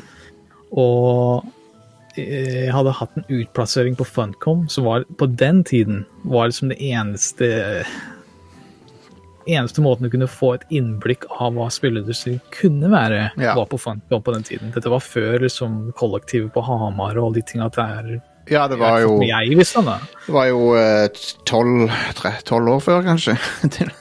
Ja, noe rundt der, ikke ja. sant. Så uh, jeg føler jeg blir veldig gammel når jeg snakker med det her. Men uh, ja, så det var tidlig 2000-tallet. Da var jeg inne på Funcom uh, som utplassering. Og hadde en god tid der, egentlig. Jeg var ikke der sånn kjempeofte, men gjennom skole så var jeg der. ja, ja. Og altså, jeg var mye mer interessert Da jeg var der, så var jeg mye mer interessert i å gå inn på kottet deres der de hadde Sega CD-spill og sånn som de hadde jobbet på. eh, og det irriterte Jeg hadde en kar som het Didrik, som viste meg rundt. Han var alltid irritert over at jeg bare ville se på de gamle spillene, istedenfor da å se på det som da kom til å bli Age of Conan, for de hadde akkurat signert eh, Konan-kontrakten da jeg kom inn døren Aha, ja. og sånne ting som det. Men så, etter alt det her, da, så har jeg gått ut av videregående, og jeg hadde ingen direksjon. Altså, jeg hadde ikke noe eh, Jeg visste ikke helt hva jeg skulle gjøre. Så jeg tok alle sparepengene jeg hadde, som eh, ikke var mye, og dro til USA. For det, der visste jeg at eh, det var en festival som het Magfest, som da var på sin tredje eh, Tredje gang. Ja, ja. Og da, men da visste Fordi jeg hadde ikke begynt å skrive og sånne ting heller ennå. For det var, jo, det var jo mye skriving som jeg kom inn i spilleindustrien. Uh, men jeg visste liksom at jeg, hvis jeg skulle finne ut av hva jeg ville gjøre, og finne en vei inn i spilleindustrien, så måtte jeg nok ut av Norge. Det, ja. det, det hadde blitt ganske klart. Så jeg dro til USA, dro på Magfest, og så The Minibosses og Advantage og alle de kule banda der. ja. Men eh, det som var viktig for meg, var liksom at eh, Som sagt, eh, spille musikk var absolutt livsgleden min. Mm. Og også det med retrospill og historie og sånne ting. som. Altså, faren min er historiker, så da jeg har liksom det litt i blodet med å liksom formidle informasjon og ta til meg informasjon. ja, nettopp. Og Men eh, Så jeg dro til USA, og det jeg ville liksom finne ut av, var jo om eh, mye om den musikken er bare nostalgi. At det bare det rett og slett er det vi husker på TV-skjermen som da gjør at vi er glad når vi hører musikken.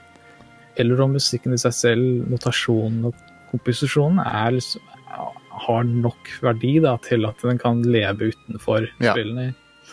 Og da jeg hørte eh, minibosses og sånne ting som det spilte live da når jeg var der, så var det et såpass sterkt inntrykk til at jeg, da fant jeg ut at dette handla om mye mer enn bare eh, hvorvidt Megamann gikk eh, på skjermen, ikke sant? Ja, ja. Musikken i seg selv hadde et nytt liv gjennom en ny formidling, og da skjønte jeg at eh, det er noe med spillmusikk som ikke blir sagt, det blir ikke formidla, det blir ikke kommunisert i spillverden. Mm. Og jeg lurte på hva jeg kunne gjøre da, for å fikse, ikke fikse, da, men i hvert fall få informasjon ut der om spillmusikk. Da. ja, nettopp. Og ja. Og det har jo, det har jo ført til at du har, eh, du har laga videoer, du har, laget, du har vært med og produsert konserter rundt omkring. ja, ja, det blei jo en av de tingene jeg gjorde særlig da. Eh, det som det begynte med, da, var jo at eh, Livshistorien min er litt komplisert her, men eh, etter jeg var i USA, så dro jeg ned og flytta jeg ned til Brasil en god stund. Oh, wow. Og jeg, da jeg bodde i Brasil, så var det en ganske stor omjustering for meg eh, livsmessig, da. Er, er ikke det Sega-hovedstaden i, i verden? Absolutt. Eh, og det Jeg ønsker jeg tenkte mer på det den, dag, den gang, fordi eh, da jeg var der, så var det mye Master System og Mega Drive-spill fremdeles til Ja, ja. Og særlig da basert på ting som Monica, som var en sånn slags eh, Snoopy-type eh, tegneserie der nede, og sånne ting. Nettopp. Jeg kjøpte, jeg kjøpte ikke noe av det. Jeg skulle kjøpt alt av det, Ja. eh, for nå har det vært veldig mye penger. Ja, ja. Men eh, det, det som skjedde da jeg var der, var at jeg ble ganske Til tross for at jeg hadde kjæreste og alt mulig, så var jeg ganske ensom. Ja. Og da, da, da begynte jeg å skrive for å få en slags bakkekontakt. Da. Mm. Fordi som sagt, faren min er historiker og skriver rundt 40 bøker. Så eh, skriving er også noe jeg har nok i meg, men jeg hadde unngått det, for jeg vil ikke bli far no- 2.0, ikke sant? Nei. Men så begynte jeg å skrive, og da sa kjæresten min at liksom, hvis du allerede skriver dagbøker og sånt, hvorfor prøver du ikke å skrive om musikk? Og så kan jeg oversette, og så sender vi det til magasiner her. Ja. For de de vil vel elske å høre om black metal fra en norsk fra en nordmann. Ja, ja, Til klart. for at jeg ikke hadde noe interesse for black metal, så var det liksom OK uh, Jeg er svart som skauen og hvit som uh, snøen. og, så da begynte jeg å skrive om musikk. Hun kjente noen Hun var musiker, og hun er musiker. Ja. Så da sendte hun det til magasiner, og da begynte jeg å skrive om musikk. Og det jeg skjønte da, var at eh, hvis de da først ville høre om hva jeg hadde å si om black metal, kanskje de ville høre hva jeg hadde å si om spillmusikk også, for det er her, i likhet med eh, sjangere som black metal, som er utafor det normale mainstream, ikke sant? Ja. så er spillmusikk er ganske likt. Det, det ligger i en sånn nitsje, det har en egen eh, fanbase som tolker det en helt annen måte enn det moren faren din gjør. Ja, jeg vet akkurat hva du snakker om. Jeg har, jeg har en litt parallell interesse for eh, I tillegg til spillmusikk, da, som jeg også liker veldig godt, så har jeg også veldig interesse for filmmusikk. Så Ja, samme for meg. ja. Så, øh, for begge to handler jo om visuell medium, ikke sant? Ja. Og da, hvordan du integrerer musikken med Og det er derfor jeg også elsker Wish and Novels, men det her intervjuet kan gå i mange retninger. eh, men så eh, Så jeg begynte å skrive det, og da, da jeg begynte å skrive spillmusikk, så var det som, akkurat som du sa, Sega-hovedstaden av verden. Mm. Så jeg begynte da å skrive om Megadrive-musikk, f.eks. Og da merka jeg der nede da, at liksom, det var en enorm respons på. At jeg da Det at jeg skrev om spillmusikk på en måte Fordi jeg nekta å legge meg på det nivået at det liksom Spillmusikk er beep boop, men i dag er det blitt på moderne. Ja, liksom det- sånn den fil- Filmavisen-type liksom det, sier liksom blipp og blopp og Jeg nekter å legge meg der, for det, Ja. har med, det har ikke noe med saken å gjøre hvor primitivt det var. Nei. Det, har inget, det er bare et instrument. Det, det, Så- det eneste jeg vil si som er relevant i den sammenhengen, er at eh, komponistene hadde, hadde eh, begrensa verktøy, og, og det kom voldsom kreativitet ut av den, de teknologiske begrensningene. Og det er absolutt, og det er jo noe som jeg føler har blitt Spillmusikk for meg da, er teknisk tilbakeholdenhet som blir presset Ja. med kreativitet. Ikke sant? Når vi Mm. da går inn i PlayStation og PlayStation 2 og PC og videre, så går vi jo inn i en ny sjanger da, som tok spillmusikk litt i en annen direksjon. Som gikk i, liksom, det går i litt annen retning, da. Ja. Ja. Men eh, da jeg skrev om f.eks. Megadrive, så handla det uh, veldig mye om at den tekniske tilbakeholdenheten, eller det, den primitiviteten som du nevner, da, ja. det er på en måte et instrument i seg selv. da. Mm. Du, må, du må være kreativ, men det betyr jo ikke at musikken din er mindre. Det betyr jo ikke at musikken er mindre viktig, er mindre, har mindre liksom, innflytelse. Det betyr bare at den er lagd på en annen måte. Ja. Og, og det å skrive musikk, spillmusikk på den måten i 2004-2005 var ikke Det var ikke så mange som gjorde det. Nei. Og det gjorde til at jeg fikk litt sånn fanbase der nede, da. Og Mm. da begynte jeg også å slippe ut i artikler på engelsk på nettet. Og da også kjente jeg jo at liksom, det er en interesse for den type formidling av spillmusikk som ikke blir eh, På den tid ikke ble gjort så ofte. Og en annen ting som jeg gjorde flott da, var vel at jeg også intervjua mange komponister som allerede blitt intervjua før. Eh, Da også Japan. Jeg, hadde jeg glemte å nevne at jeg hadde studert japansk litt, grann, så jeg kunne liksom gjøre meg forstått, i hvert fall. Jeg snakka ikke flytende eller noe sånt. Mm. Men det, på den tid så var det bare det å liksom bli kontakta av nordmann som ville snakke om liksom PC98. Eh, det var ikke normal kost for de der borte. da. Nei, nei, nei. Så da var det liksom gøy å snakke, og da, det ble jo til at begge, både jeg og dem, hadde en samtale som liksom gikk akkurat som det her, i alle retninger. Og det blei så mye mer enn bare et intervju med stive spørsmål om ja, hva, hva, hva slags uh, software brukte du da? Ok, liksom sånne spørsmål. Det var ikke det i det hele tatt. Det ble en samtale om essensen av spillmusikk. Ja, ja, ja. Med, alle, med f.eks.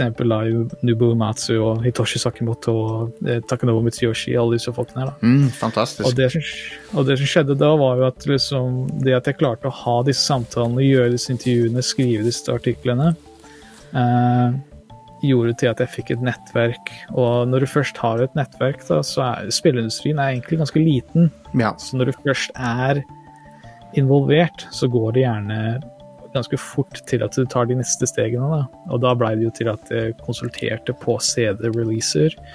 Eh, oversatt tekster til engelsk, sånne ting. Og så da etter hvert da konserter, som det heter. Fantastisk. Så åssen er det Hvor involvert er du, var du i oppsettet av konsertene med tanke på liksom hvor venue og orkester og alt sånt? Var du, var du med på den? Så, altså, ja, så I begynnelsen så var jeg ikke så mye jeg gjorde sånne ting. Uh, for det meste så hjalp jeg et kompani som heter Merringdon, Ja. som da gjorde en hel haug med konserter i Tyskland som het Symphonic, Symphonic Fantasies, Symphonic Odysseys, uh, Symphonic Legends, uh, de konsertene der som har blitt sluppet på stedet.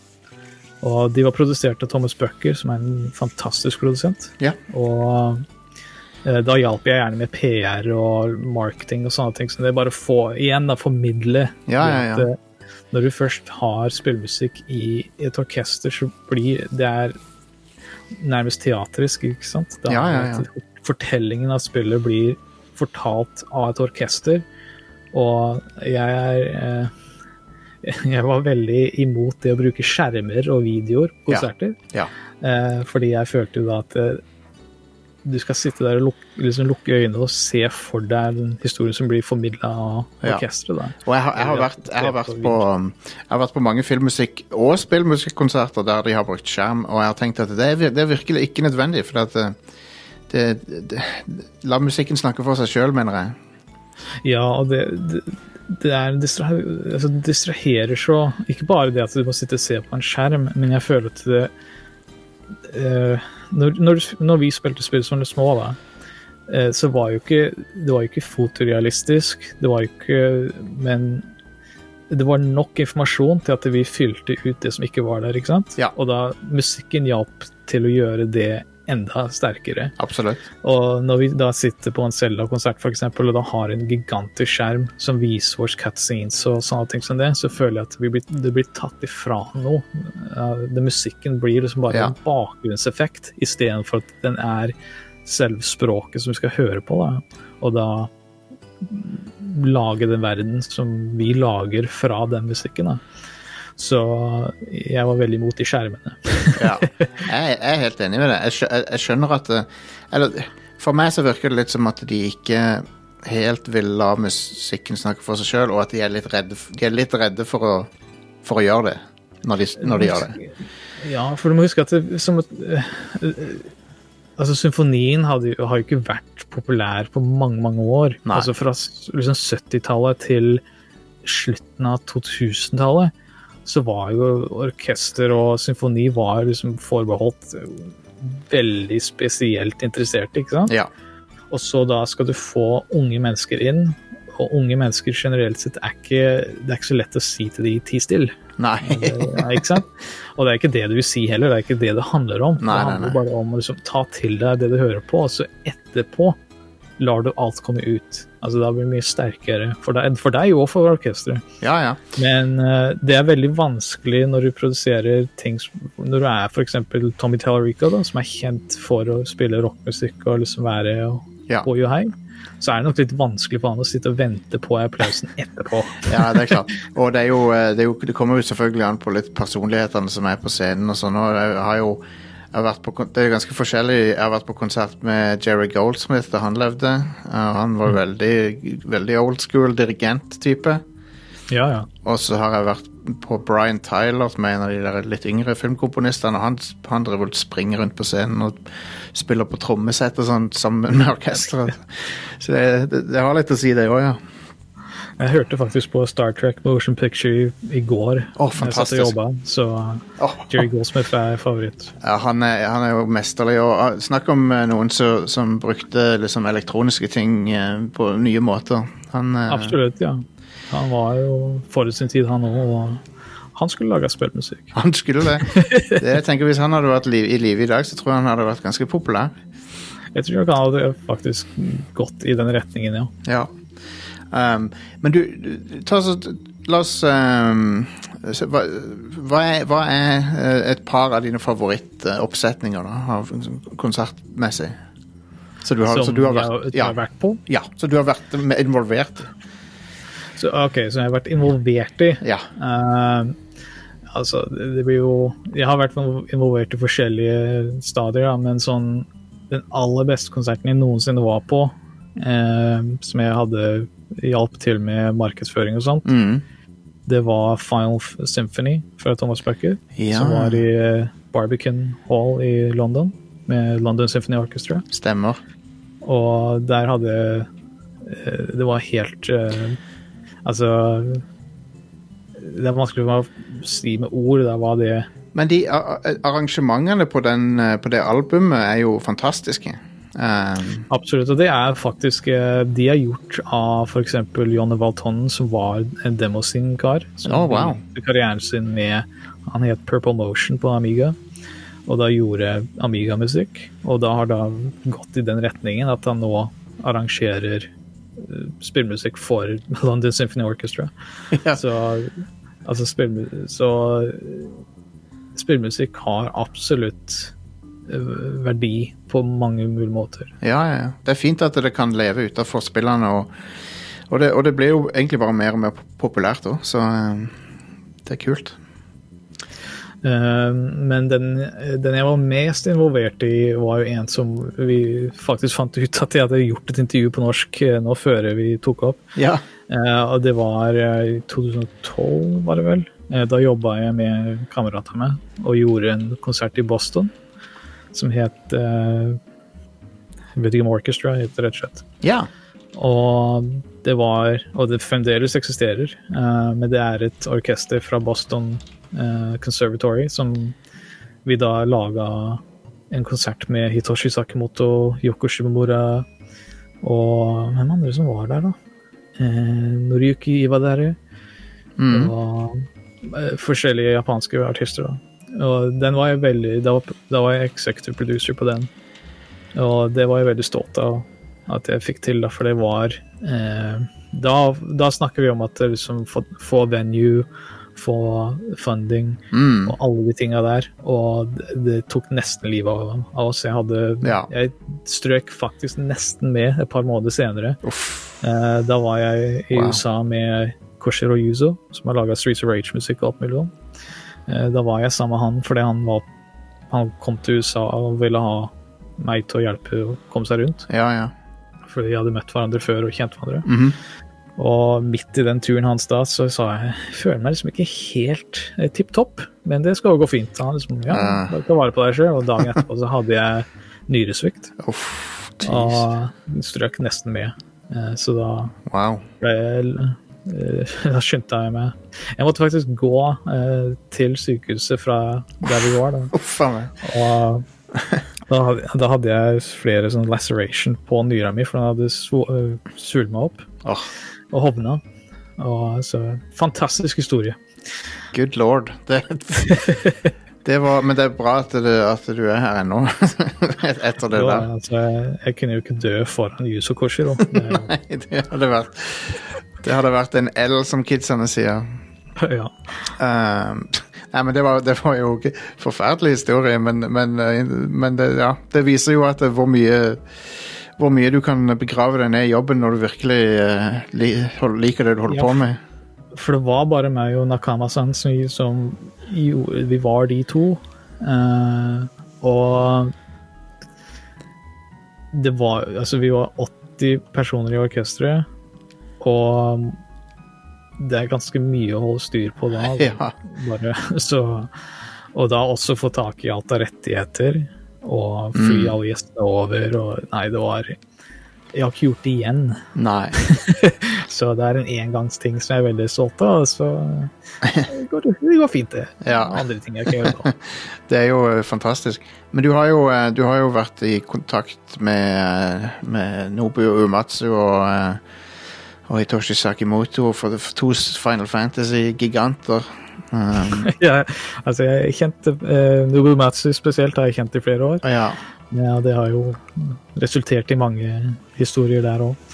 Han er jo, Så- han er jo Han er jo så nærme du kommer eh, spillmusikkens John Williams, da. Omtrent. Ja, eh, han er jo det. Eh, for meg så er jo han en rivende gal mann. Og Ja, jeg, en, en drikkekamerat som jeg sjelden glemmer. Men eh, han Altså, så, som komponist er jo han eh, Grunnen til at jeg har litt sånn nøling på det, er vel det at han selv vil vel si at Sugiyama Koichi er da den største, ja. for Dragon Quest og så videre. Altså Forferdelig person i Jeg virkeligheten. Ja, jeg, skal, jeg skal på ingen måte ta vekk fra musikken til, eh, til han, men, eh, men han, han er jo en ekstremt kontroversiell person som er litt sånn, sånn. Ja, eh, jeg har møtt han én gang, Ja. og, og liksom Ja, det biter deg selvfølgelig i tunga, selvfølgelig, men ja. jeg, jeg fikk Hva skal jeg si, da? Det går bra, du kan si hva du vil, det spiller ikke noen rolle. Nei, han er jo en relikt som kan dø ut. Ja, Eh, Ikke sant? at For meg så altså Nå skal være sagt, jeg er veldig liberal, og, Ja. og jeg jeg har ikke noe respekt eller forståelse for Nei. sånn tankegang, eh, Nei. sånn nasjonalisme.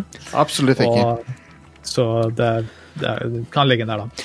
Men, uh, eh, så, men Nubo Matsu er, jo- vil jo aldri si disse tingene om Sugiyama, så, Nei, selvfølgelig. eh, så for, eh, for han så er liksom Sugiyama sensei, ikke sant? Ja, ikke ja. noe- Men eh, for meg så Men altså, i, i Vesten så er det ikke noe tvil om at er Uematsu har hatt størst impact fra Japan.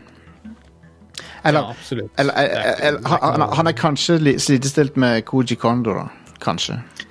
Ja, altså jeg vil si at eh, Koji Kondo er eh, i, navn så er han vel ikke like kjent nå lenger, da. nei. Fordi han har jo vært litt ute av eh, ute av bildet en stund nå. Ja. Men eh, sånn, når det gjelder at folk kan kjenne igjen musikk, så kjenner vel flere igjen Kochi Kondos Ja. Mario-sang enn det folk ville ha sagt Fiend of Love fra Final Fantasy 4. Du kan, du, men, kan, du kan nok argumentere for det, men, så, du, men jeg, jeg, fikk en følelse av når den Final Fantasy 7-remaken kom ut, at det, den, den hadde Musikken der hadde voldsom gjenkjennelseskraft hos folk, og eh, Men det, jeg føler at det, for å ha For Koji Kondo eh, Koji Kondo er liksom Hulk Hogan av spillmusikk. han er det. Han er det. alle, alle vet hvem Hulk Hogan er, enda ikke de så på wrestling. Og fordi alle vet hva Super Mario-musikken er. At Mens, du kan eh, si de tre første notene av Super Mario-musikken, og alle vet hva du gjør. Mens Umatsu Eh, eh, jeg, jeg, hvis du synger Tifa-sangen til moren min, så tror jeg ikke du får noe annet Nei. rart blikk. Det er helt sant. Det er derfor uh, Umatsu er mer Bret Hart. Han er alle Ja, en teknisk mester som Ja. er ve veldig kjekk, men uh, Det som er morsomt med Umatsu, altså, det skal være sagt er, altså, Engelsken min er jo lært fra wrestling. Altså, jeg så på Ninja Turtles og wrestling hele barndommen. Hell yes. Og jeg skrev til og med en bok som handler om alle wrestlingspill noensinne laga. Ja. kjøpe i dag. Den, uh, har jeg, den har jeg uh, lest litt av. Den er veldig kul så, og veldig grundig. Så veldig stilig. Ja, det er 700 spill. og mange historier der òg, men jeg tror det må vente på en annen Mm. Ja. intervju. Jeg kommer tilbake. Men uh, for Det tok meg syv år å lage den boka. Ja. Men med Nubo Matsu, så er begge, både jeg og han er ganske store wrestling-fans. Altså Nubo Matsu er professor i wrestling. Han, det er det han ville bli når han var liten. eller Når han var ungdom. Han gikk jo på Pro Wrestling Club i, oh. på skolen og alt mulig.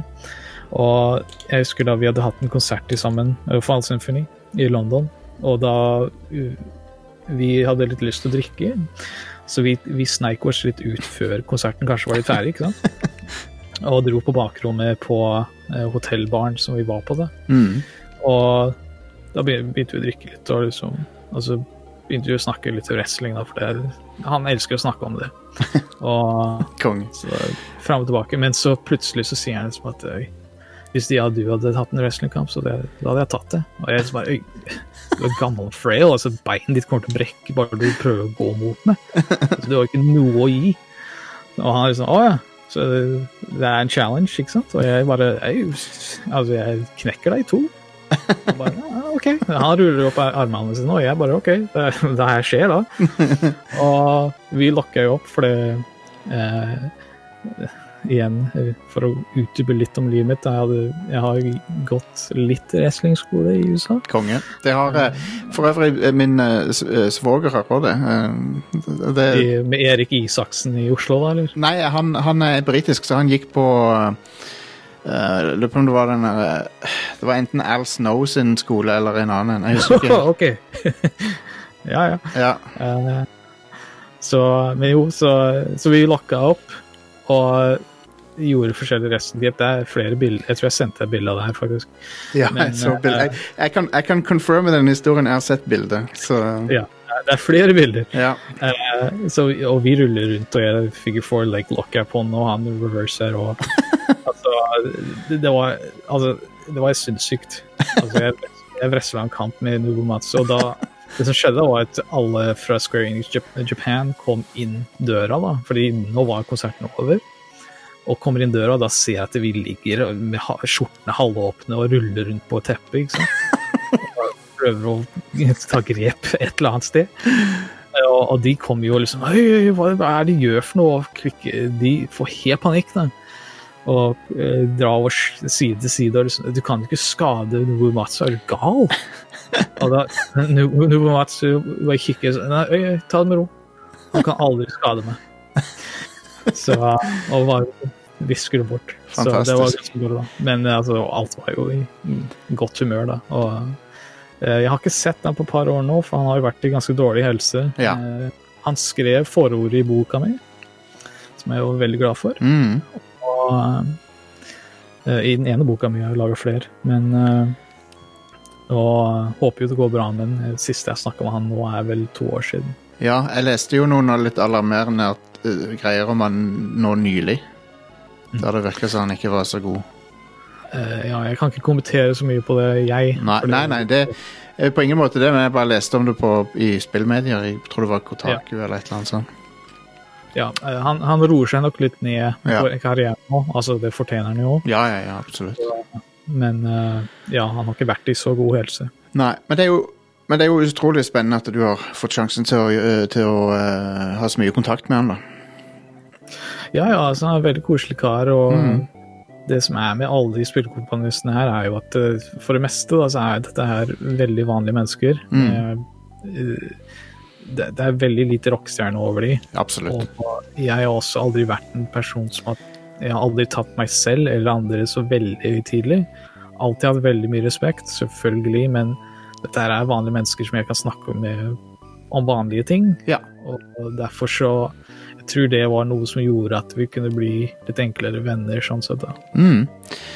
Nei, alle, alle mine ganger der jeg har vært i kontakt med noen fra spillbransjen og intervjuer eller et eller annet jeg har aldri øh, vært borti noen divaer eller noe sånt. Det er veldig Aldri noe sånt. Nei altså du kan finne de, jeg kan hjelpe deg. Ja, det, jeg, jeg, jeg er helt sikker på at de finnes, det er jeg helt sikker på. Men jeg har vært heldig, i hvert fall. Men, eh, men, men nå, eh, la oss hoppe litt fram i tid, for nå er du involvert i en av de mer populære eh, YouTube-kanalene om gaming som eh, er Digital Foundry. Og der, der får du jo brukt eh, kunnskapene dine ganske mye. Ja. Uh, var det et spørsmål der? Ja, nei, jeg jeg, jeg, spørsmålet er jo uh, hvordan, hvordan kom du i kontakt med, med eh, John og, og gjengen? Ja, så eh, Interesse av tid, så kan jeg korte ned den historien litt. Men Ja, ja. Altså, jeg, jeg, jeg falt litt ut av industrien for år siden, eller for noen år siden nå, da. Ja. Fordi jeg hadde et ganske stort mentalt knekk. Jeg var veldig sliten og hadde ganske sterk depresjon. Så, jeg, så jeg falt litt ut og har eh, vært litt utafor industrien et par år. Og har liksom prøvd eh, iherdig å komme meg i flere år og liksom opp og ned. Du veit hvordan depresjon kan være. Absolutt. Og eh, etter hvert så var det Da hadde jeg vært to par år ganske langt nede og bare ikke, ikke vært noe del av industrien lenger. Bare liksom kutta kontakt. Ja. Jeg veit ikke hvorfor. Du tenker jo ikke logisk. Du tenker bare at du er i veien. Så da blei du veldig stille fra min ende. Ja. Og, men så hadde jeg en kamerat som satt og kikka på YouTube, og så fant han en video av Legacy of Kane uh, fra DF Retro. da. Ja. Og han, han kikka på den og spurte meg eh, veit du noe om det her, for det, liksom, det her var kult. og jeg må helt ærlig innrømme at jeg, jeg, jeg hadde aldri fulgt med på YouTube da. Jeg har liksom sett klipp her og der av forskjellige ting, selvfølgelig. Ja. Men jeg hadde aldri, altså, jeg hadde aldri sett på liksom Jeg forbinder det spill på YouTube forbinder jeg med liksom game nerd, angry game nerd, ting som ikke jeg har, jeg har aldri hatt interesse av. Nei, enig, enig for så vidt i det. Eller det vil si, jeg så litt på det til å begynne med, men den typen dekning er jeg ikke så veldig interessert i personlig. Nei, når det begynte, så holdt, da skrev jeg liksom for Retro Gamer og Ja. Destructoid og sånne ting, og det var altså det har Jeg har ingenting imot den han eh, Jeg husker ikke hva han heter, men eh, Nerd-karen. Ja. Selvfølgelig, han var jo veldig forut sin tid, han var veldig flink, men det gjorde veldig eh, inntrykk på spillindustrien eh, med, tanke på hvordan vi forholdt oss til spill. Da. At vi måtte plutselig bli litt mer aggressive og morsomme. Ja. Eh, jeg veit ikke om jeg er morsom, så det var liksom ikke noe jeg ville prøve å gjøre i min skriving. Nei. På eksempel Subtractor. Skjønner. Men uh, uansett, Uh, jeg hadde liksom ikke fulgt med på YouTube, da. Og så kameraten min spør liksom, jeg veit noe om han her, for det pleide ikke du å gjøre sånn her, du òg? Og da liksom tenkte jeg over det, så jo, jeg hadde gjort ganske mange store artikler for Hardcore Gaming og Destructoid og sånne ting som det. Når det gjaldt liksom å formidle sånne store retrospective som Ninja Turtles eller Astrix-spill og sånne ting som det, da. Eh, og det var ganske likt det John gjorde med f.eks. Legacy of Kane. Mm.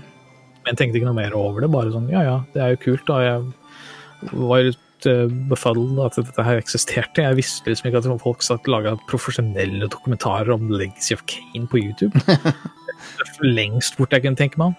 Så jeg liksom bare ja ja, dette er jo veldig kult, og stor respekt for han, men uh, kjenner jeg ikke til den, og bare fortsetter med min dag, som da bare sitte i hjørnet og kikke i veggen. og så, men så begynte jeg å tenke litt over det, var litt nysgjerrig. Liksom, hvis han laga video om Legacy of Kane, har han laga noe annet? Så da begynte jeg å kikke opp, og da så jeg at han har laga Shenmue. Mm. Da kikka jeg på den, og liksom, ja, dette er jo ganske likt sånn som jeg pleide å skrive, pluss at dette her er bare mye bedre enn jeg noen gang kunne gjøre. Så dette er fantastisk, og jeg bare lurte på liksom, hvem er han karen her? Og da fant jeg ut, bare gjennom at han brukte jo screennamet sitt som eh, på videoen, Dark One X, eller hva det er. Ja. Og da fant jeg ut at han var på et forum som jeg hadde pleid å poste på liksom syv år før. Og jeg hadde fremdeles kontoen min, så da tenkte jeg OK, jeg får gå på det forumet og støtte den i Da den akkurat sluppet en video, så det var liksom en tråd på forsiden. ja. Jeg får stikke innom og bare sende liksom en melding der og si hei, kul video. ja. Og så jeg, men så når jeg åpna tråden, så så jeg at John også posta om litt av de samme tingene som jeg hadde gått igjennom eh, i forhold til det å være utslitt og liksom Mm. og blitt brent, ut og disse tingene der. tenkte jeg jeg kan kanskje sende en privatmelding og bare si at øy, jeg har gått igjennom det samme, jeg pleide, pleide å jobbe med spill.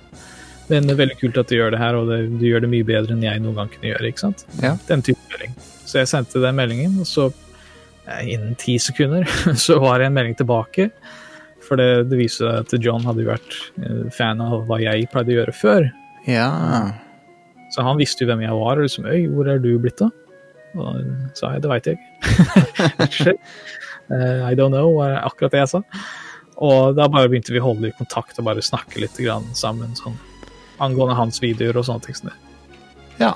Og nå har dere jo etter hvert produsert en hel mengde med retrostoff uh, som, uh, som får veldig bra eh, seertall, ser det ut som. Og det, det må jo være veldig gøy å, å være tilbake i sadelen, sånn, for å si det på den måten. måten. Det redda jo livet mitt, rett og slett. Ja. Fordi, altså, jeg har jo snakka om det offentlig, så jeg kan vel si det her òg, men jeg overlevde jo selvmordsforsøk i 2017. Riktig, skjønner.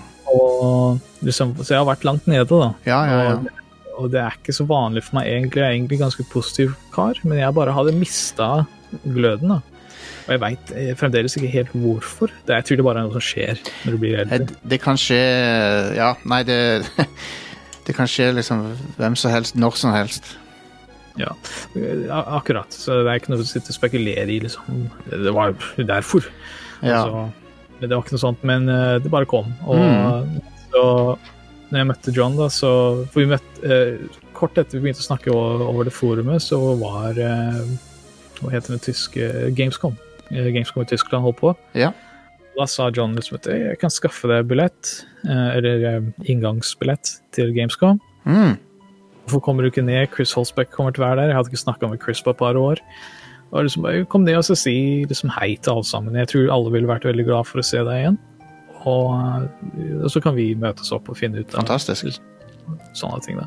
Og da møtte jeg han der, og vi begynte å snakke videoideer etter to minutter, var det vel. så det tok ikke lang tid, da, men det tok en stund før han fikk meg med på å bli eh, på kamera. Det Ja. var jo bare eh, året etterpå. Ja. Men det er jo en, eh, det er en fantastisk historie. Så du, det, og jeg vil, jo, ja, jeg vil jo takke deg for at du deler liksom, ikke bare ting som du har holdt på med profesjonelt, men jeg tror det er liksom bra for folk å høre at eh, den type problemer kan, kan ramme deg. Samme, samme hvor mye du har utretta i livet, spiller ikke noen rolle, liksom. Det, Nei, altså, det var jo For meg, da, så var jo et av problemene at jeg aldri sa noe. Altså, jeg, jeg Ja. følte at jeg var i veien, ikke sant. Ja, ja. det var jo det som egentlig var også Det største problemet jeg hadde, var at jeg gjorde det. Ja. Så det som hjalp til slutt, var jo faktisk at jeg sa ifra. At ikke jeg altså, Det var ikke så ille å si ifra at det bare jeg er Nei. ikke helt tipp topp akkurat nå. Det, det, men det hjalp så mye da å si det, for da forsto endelig folk da at det er noe som skjer. absolutt. Og, så det er veldig viktig at folk, hvis de kjenner seg igjen det jeg sier, så er det du, du har nok familie eller en venn et eller annet sted som kan høre den setningen og ikke reagere negativt på det. da. Um, sånn uh, til, til slutt her så vil jeg si jeg, jeg, fikk, uh, jeg fikk en ganske god latter av når du eh, Når John eh, fra, Di- fra Digital Foundry sa at du pleide å sende han forferdelige spill. Eh, for, bare for å trolle han, eller? eller hva? det, er- Altså, det gjør jeg med alle i Digital Foundry. og Så finner jeg, altså, jeg Jeg skal være helt ærlig, jeg er veldig glad i å samle på dårlige spill. ja. Jeg, jeg syns det er en verdi i de òg. Ja. Fordi de, de dårlige spillene har ofte de beste ideene. Det er bare at de, de har ikke klart å gjennomføre det på noen som helst måte. Nei. Så det er som dårlige filmer. Og, som jeg også er veldig glad i. Ja. Så, men altså, for eksempel Richard hater jo de spillene. Altså, han skjønner jo ikke bæret, og han vet fremdeles ikke hvordan jeg får tak i dressen. Som er enda mer eh, skremmende for han. Fantastisk. Men, eh, så jeg sender jo bare han CDI-spill i posten her og der, bare for å minne på at eh, jeg er der ute ennå. Ja, det er flott. Men eh, er det noe eh, sånn utover Digital Foundry som selvfølgelig alle bør sjekke ut? eh, vi, vi, vi snakker jo om den kanalen stadig vekk, for det er jo en veldig spennende kanal.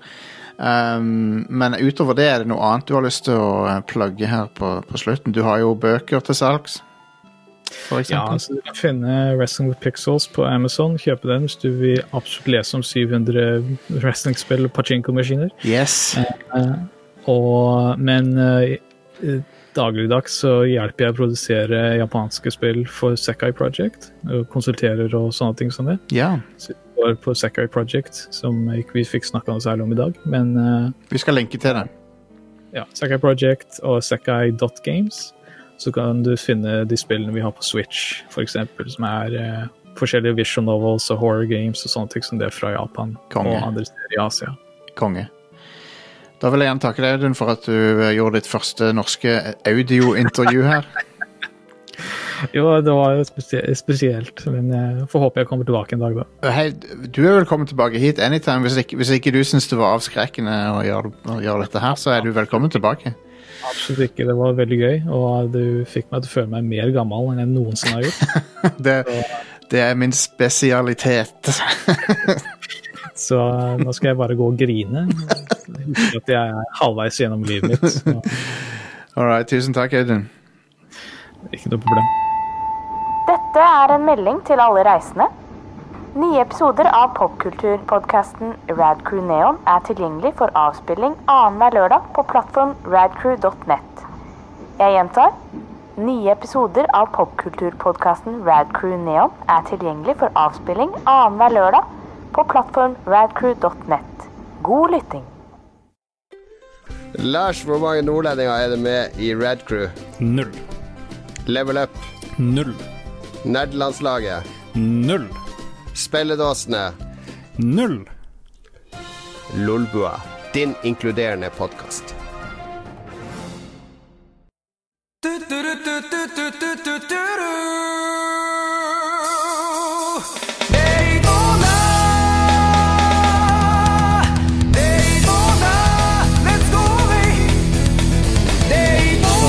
Mudcrab Merchant eh, i Morrowind, han kan du selge masse rart til. Konge. Han har dritmye penger. Konge. Um, I saw a mudcrab the other day. Disgusting creatures. Ja. Og da er vi tilbake, folkens, eh, med, med Red Crew. Inger Lise, du har runda Assassin's Creed Valhalla. Hvordan eh, vil du eh, sammenligne det med resten av de? Nå har jo ikke jeg spilt eh, det forrige, faktisk. Du begynte jo på Odyssey. Jeg begynte på Odyssey, ja, men så skulle jeg Jeg fikk ikke tid til å spille på en stund, og når jeg skulle komme tilbake, så kom jeg ikke inn i combaten og sleit Ah. veldig, så jeg la de fra meg. Så det er et par sånn viktige story moments der jeg har gått glipp av, men jeg har tenkt å spille det Ja, på et eller annet tidspunkt. Men nei, jeg likte Valhalla kjempegodt. Jeg føler endelig at de har kunnet på gitt meg akkurat det jeg vil ha. Nice. Eh, jeg syns combaten var veldig enkel og badass å bruke, iallfall hvis du slåss med øks. Ja. Ehm, historien var jo veldig veldig spennende. Alle side missions var såpass forskjellige at alle var egentlig ganske kjekke. Det var noen av de som var eh, skikkelig teite og løgne, og så var det sick med easter eggs. Alt ifra Alice in Wonderland til Robin Hood til Dark Souls og jeg, jeg storkoste meg skikkelig. Og når jeg var ferdig, så var det sånn Ja, hva skal jeg gjøre videre med livet mitt nå, tenkte jeg. Men jeg synes slutten var litt sånn underwhelming, for han avslutter liksom på en fin måte, men jeg føler ikke jeg har fått en avslutning ennå. Så jeg okay. lurer på om DLC kommer til å gi litt mer der. Jeg har ikke fått rulletekst eller noe, så jeg er egentlig litt usikker på hva som skjer. Yes. Ha. Uh, ok. Men, det var interessant. Men jeg spilte, jeg spilte så fe female Eivor, og hun var. Jeg liker, jeg liker henne. Jeg har sett folk ikke like henne, men eh, jeg skjønner ikke helt det. Jeg syns hun er litt artig. jeg. Nei, Jeg syns hun var dritkul. Jeg likte henne kjempegodt. Ja, hun er litt barsk. Ja, hun er er jo en det folk ikke liker med henne. skimate, så Å ja, der sa du Mange kjører skjø- skjøre, skjøre gutte, guttemennesker der ute som Ja. ikke tåler sånt. Jeg liker eh, It's Abby all over again. ja. Mm. jeg, liker, jeg liker hun Eivor. Jeg syns det er artig. Jeg Character. kunne ikke sett for meg å spille så dude i det hele tatt. Jeg. Det, hun var bare perfekt. Nei, Som regel når de gir meg valget, så spiller jeg som dame fordi at uh, Jeg har spilt så mange dudes opp igjennom. Ja. Så det er derfor, egentlig. Men uh, eh, jeg syns det var veldig kult, for uh, det følger liksom den origin-historien. Uh, så har du disse her Order of the Ancients-folka som spiller både en stor rolle, men ikke så stor rolle for historien, følte jeg. For historien var mye mer om å ta, få så mange allies i England som mulig og bosette seg der og ja, rett og slett få eh, din settlement til å gro og så, så, så det har liksom på en måte en veldig sånn tydelig oppbygging til The Templar Order. Ja. Mm. Cool. Så jeg, jeg likte det sinnssykt godt. Jeg, eh, jeg gleder meg hver gang til å sette meg ned og spille. Det var det eneste jeg klarte å tenke på når jeg sto opp om morgenen og skulle legge meg om kvelden etter jobb. Så er, det jo, er det jo nice å spille det på en next gen-konsoll, så det, det, går, det ser jo så smooth ut. Ja, det er jo nydelig. hadde, hadde ingen game-breaking glitches heller. Nei. Så det var et par ganger jeg måtte reloade, men uh, ellers gikk alt uh, veldig bra. Konge. Så, og jeg elsker liksom alle armoren du kan få, og når du oppgraderer det, så ser det bare mer og mer badass ut. Jeg skifta ut skjoldet mitt et par ganger, men jeg holdt meg faktisk til den øksa jeg starta spillet med. Fett.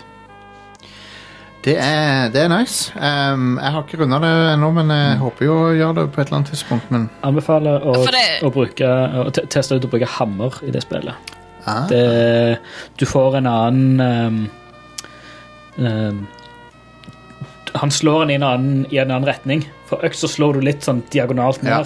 Men du får en mye mer um, Åh, hva, hva er ordet? Um, ikke troverdig, men Hva er ordet? Forutsigbar. Ja. Det, du, det, er en, det er en mye mer forutsigbar måte du slår på Ah. med hammeren. Så jeg føler det å, Siden du ikke har noe lock-on eller noe, så er det hvis du skal slå en fiende eller slå ei krokke eller whatever, så er det mye mer forutsigbart å se hvor du slår sikter. Slår sånn som i Donkey Kong når du får hammeren. Yeah. Og jeg syns det er liksom sånn, Du får sånn finisher moves på noen mm. enemies, så da er det kult hvis en fyr har slåss mot en hammer, så tar du hammeren hans og bare smadrer hodet med begge to. Ja, det er fett. Ja, ja finisherne til, til hammeren i seg sjøl òg. Utrolig brutalt. Hvor fett. Jeg liker, jeg liker også veldig godt at du kan plukke opp våpen som folk har mista etter du har drept dem, og så bare hive dem til noen andre, på noen andre. Mm. Det gjør liksom komboene veldig sånn mye Å kombinere alt i sammen, det er veldig fin flyt i det, syns jeg.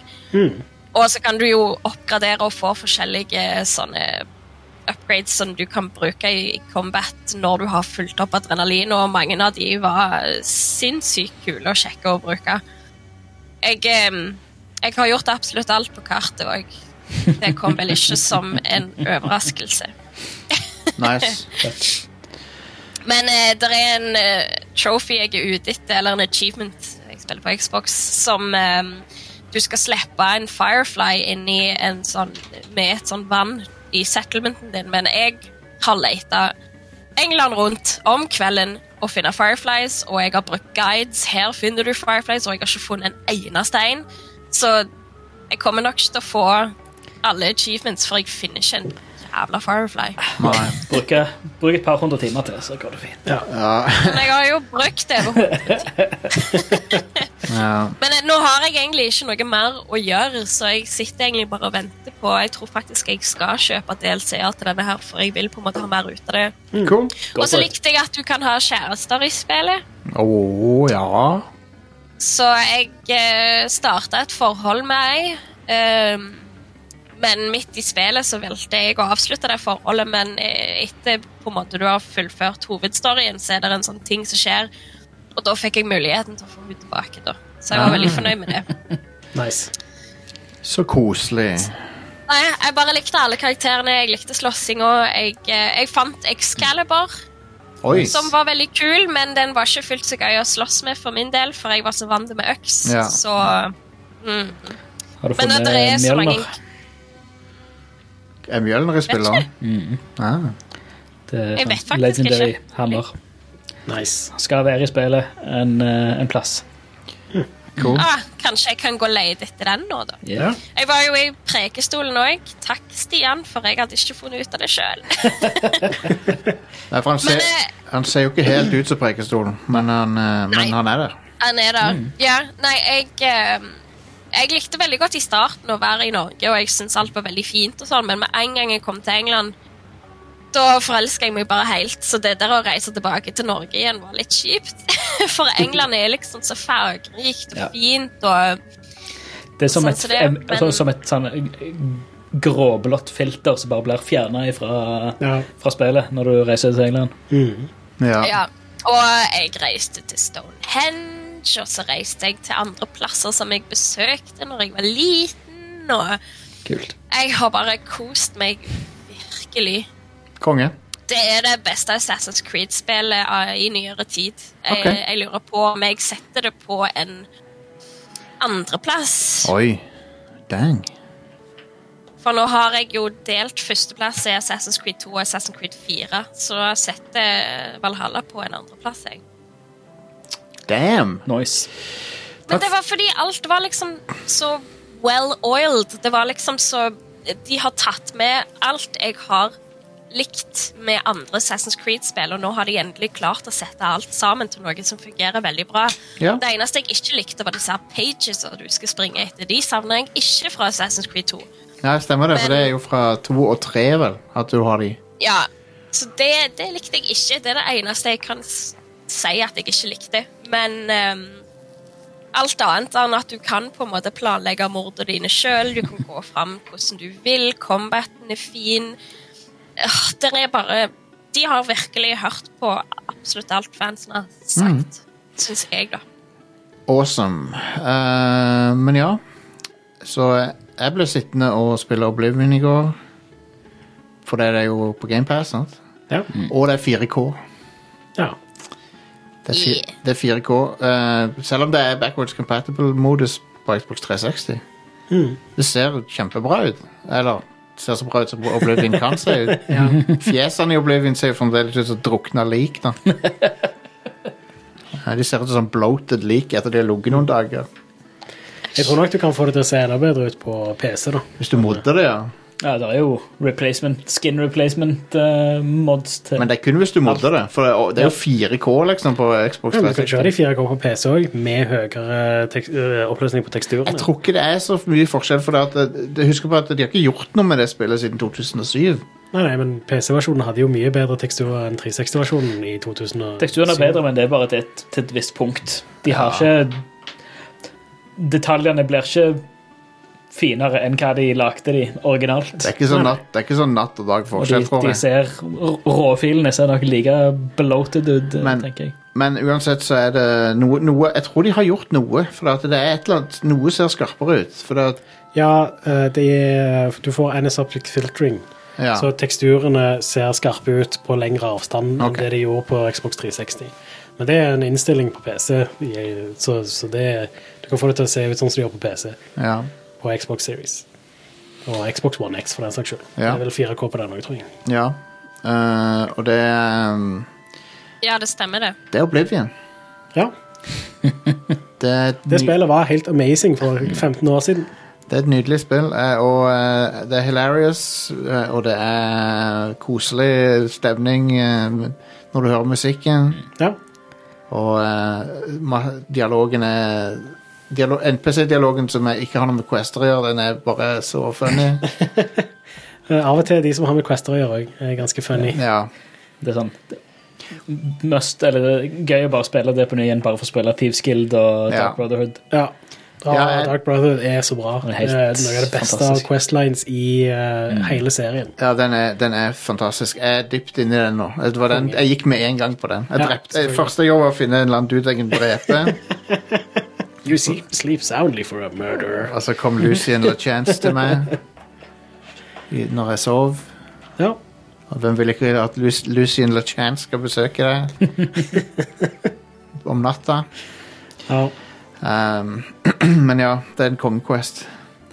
Han, eh, det- det- jeg liker hvordan den utspiller seg, for det, Mm. det er masse sånn drama Ja, det inn, inn, innad i organisasjonen. der. I, I tillegg så er det jo noen vilt sånn bra designa quests Det det. Som, som lar deg på en måte spille litt fritt da og Mm. velge litt sjøl hvordan du Yep. skal gjøre ting. Det er awesome. Ja. Og så den legendariske den eh, Who done fe festen. Ja, ja, den der lukka hus Det er så bra. eh, Det er den- så åh, sykt funny. det- Når du bare kan myrde alle med å bare gå og snakke med folk. Ja.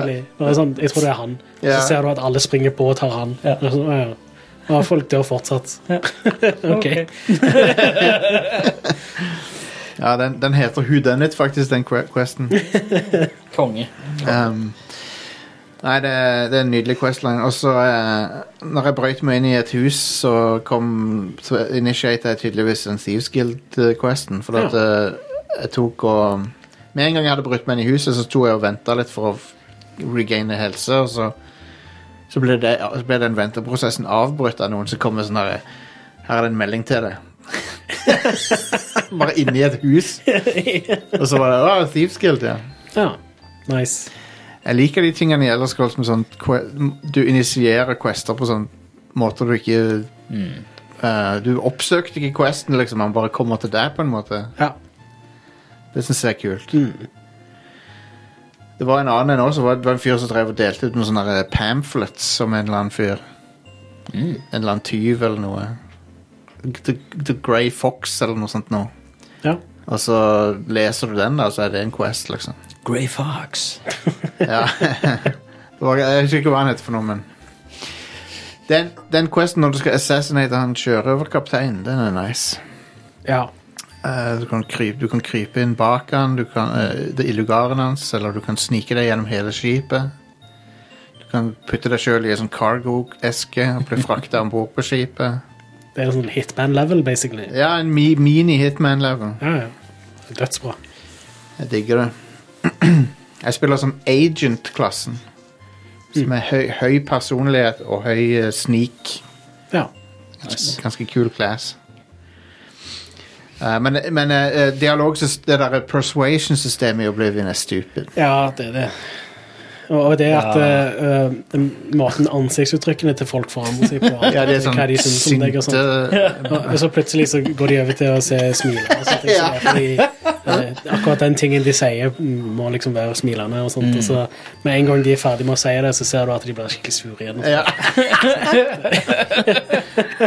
det er veldig lett å persuade folk til å skifte helt mening om det. Ja. Nei, det systemet der var egentlig bare sånn tidtrøyte og stupid. Jeg er ikke så veldig glad i det. Jeg syns det er ganske nice at de tok det vekk i Skyrim. Ja, ja. Ja. Der, er- der, jeg husker ikke hvordan du eh, får opp speechcraft der i Skyrim, men uh, Eh, er ikke det å kjøpe og selge ting? Jo, det, det, det, det kob- det er sammen med det. Det er Ja. en haggling eh, hovedsakelig. Stemmer. Og så er litt fiendene litt mer Eller NBC-ene mener jeg, ikke fiendene. De er litt mer sånn Ting du har gjort, påvirker hva de syns om deg. Ja. Ikke bare liksom hvem du har snakket med og gjort et stygt minigame med. Liksom. Og hva rase du er. Ja, det òg har noe å si. ja, det er jo litt Du ser, du, racism. ser litt, du ser litt syk ut. jeg er bare dark elf! Fuck off! Men det er, det er litt mer sånn dynamisk og kulere i Skyrim enn sånn som det var i Oblivion. da Så det er nice. Um, så Jeg, jeg gleder meg til å se hva class jeg begynner å eh, spille som i Skyrim, før jeg reverter til Sneaky Archer igjen. jeg, tror, jeg, jeg, har så mange saves, jeg har prøvd så mange forskjellige ting, men Da sier er det bare Sneaky Archer. du bare Nø, En slag venstresving rett inn til Sneaky Archer. Men, men for reals, da. Archery i Skyrim Det er Kampsystemet er på sitt beste Ja, ja, med archery. Ja. Altså, Det- det, det er så et- mye det- bedre ja. enn alt annet. Det kunne vært et, re, et rent Archer-spill, Ja, ja. liksom, og det hadde vært perfekt. Um, det er litt artig med Så det, er så, det er så tilfredsstillende å få sånne sykt sånn sneaky stealth kills Ja. sånn ark, piler, piler Så står det 6x damage. Ja, altså, Fuck yes! Yes. Du, du, du ser bare, du ser bare silhuetten sånn Personen er bare sånn, en piksel, så bare teller du pikslene opp. Sånn, ok, her, her treffer jeg. Ah, Du har jo eh, Du har jo lycanthropy eller skal sant? Du kan bli Mm. eh, varulv. Ja. Men- Og det heter lycanthropy. Men jeg lurer på om de har funnet på det sykdommen som fører til vampyrisme. For at, um, det er ikke et ord som fins fra før. tror jeg. De kaller det for porphyric hemophilia hemofilia. Ok. He- Hemofilia betyr at du elsker blod, da. Hmm. Men jeg vet ikke hva Ja, porphyric det er jo basert på den ekte sykdommen som var porphyria, som mange mener det var sånn hele den her vampyrgreia starta. Ah, så der. Tusen takk, Inger-Lise, vår goth-korrespondent.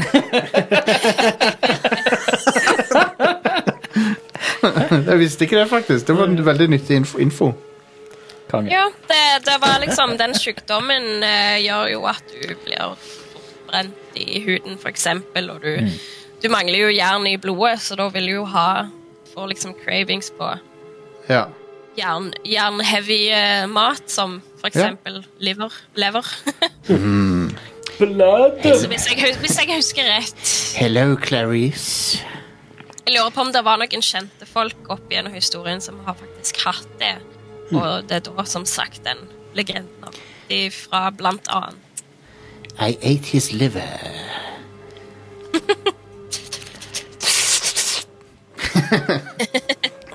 Kongefilm. Nei, fantastisk film. Um, så, um, så Så har jeg spilt Rage 2. Som er late, late to the party med det. Men Stian, du likte det jo når det kom. Det er undervurdert. Jeg, likte- jeg, jeg syns det er konge. Ja, det er dritbra. Uh, jeg er fortsatt så Jeg ble så irritert. Jeg ble så sykt irritert.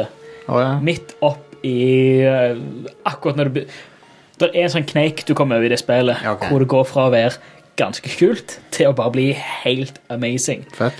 Det er noen, noen abilities som du eh, låser opp som bare er helt pissekult. Det går fra å være liksom tricky vanskelig til at du bare Du eier bare. Ja, ja, ja. Uh, akkurat da så fikk jeg en ny uh, Jeg fikk en ny SD til PC-en, Ah, uh, så jeg renslerte Windows. Så kom på at Å nei, vent litt! Dette her er jo uh, Epic Games eh, Launcher. De har ikke skylagring. Å, nei! Og de lagrer ikke spillene i, uh, i uh, spillmapper. De lagrer det i, de lagrer det i, i My Documents No! på C-disken.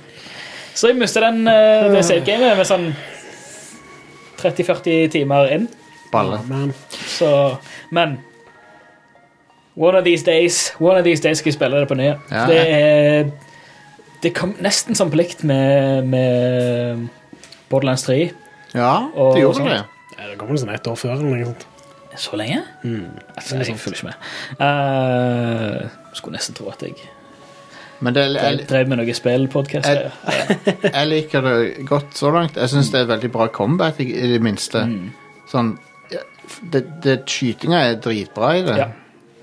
Ekst, ekstremt tilfredsstillende.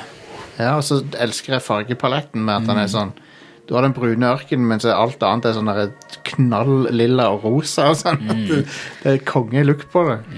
Hvem var det som utvikla det nå igjen? Eh, det er jo eh, Avalanche, Det er Avalanche, ja. Stemmer.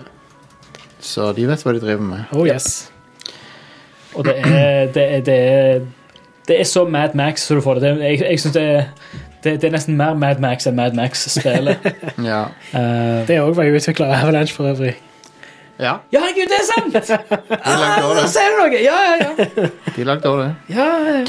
Men Og uh, alt av kjøretøy og våp våpendesign og er så jækla tøft. Ja, det er nice. Jeg spilte aldri Rage, jeg. Så jeg hoppa inn i Rage 2. Ja. Eh, Rage 1 er ikke, ikke kjempevits å spille det. Det var ganske kult når det kom ut, Ja. eh, men det er veldig brunt. Ja. Eh, Men det har veldig kul, eh, sånn, kule fiender. De er Mm. vilt bra animert, og så er det ganske kul AI på dem. Mm. Eh, Men det er bare et ja, first person Ja. shooter, liksom, Ja. type spill.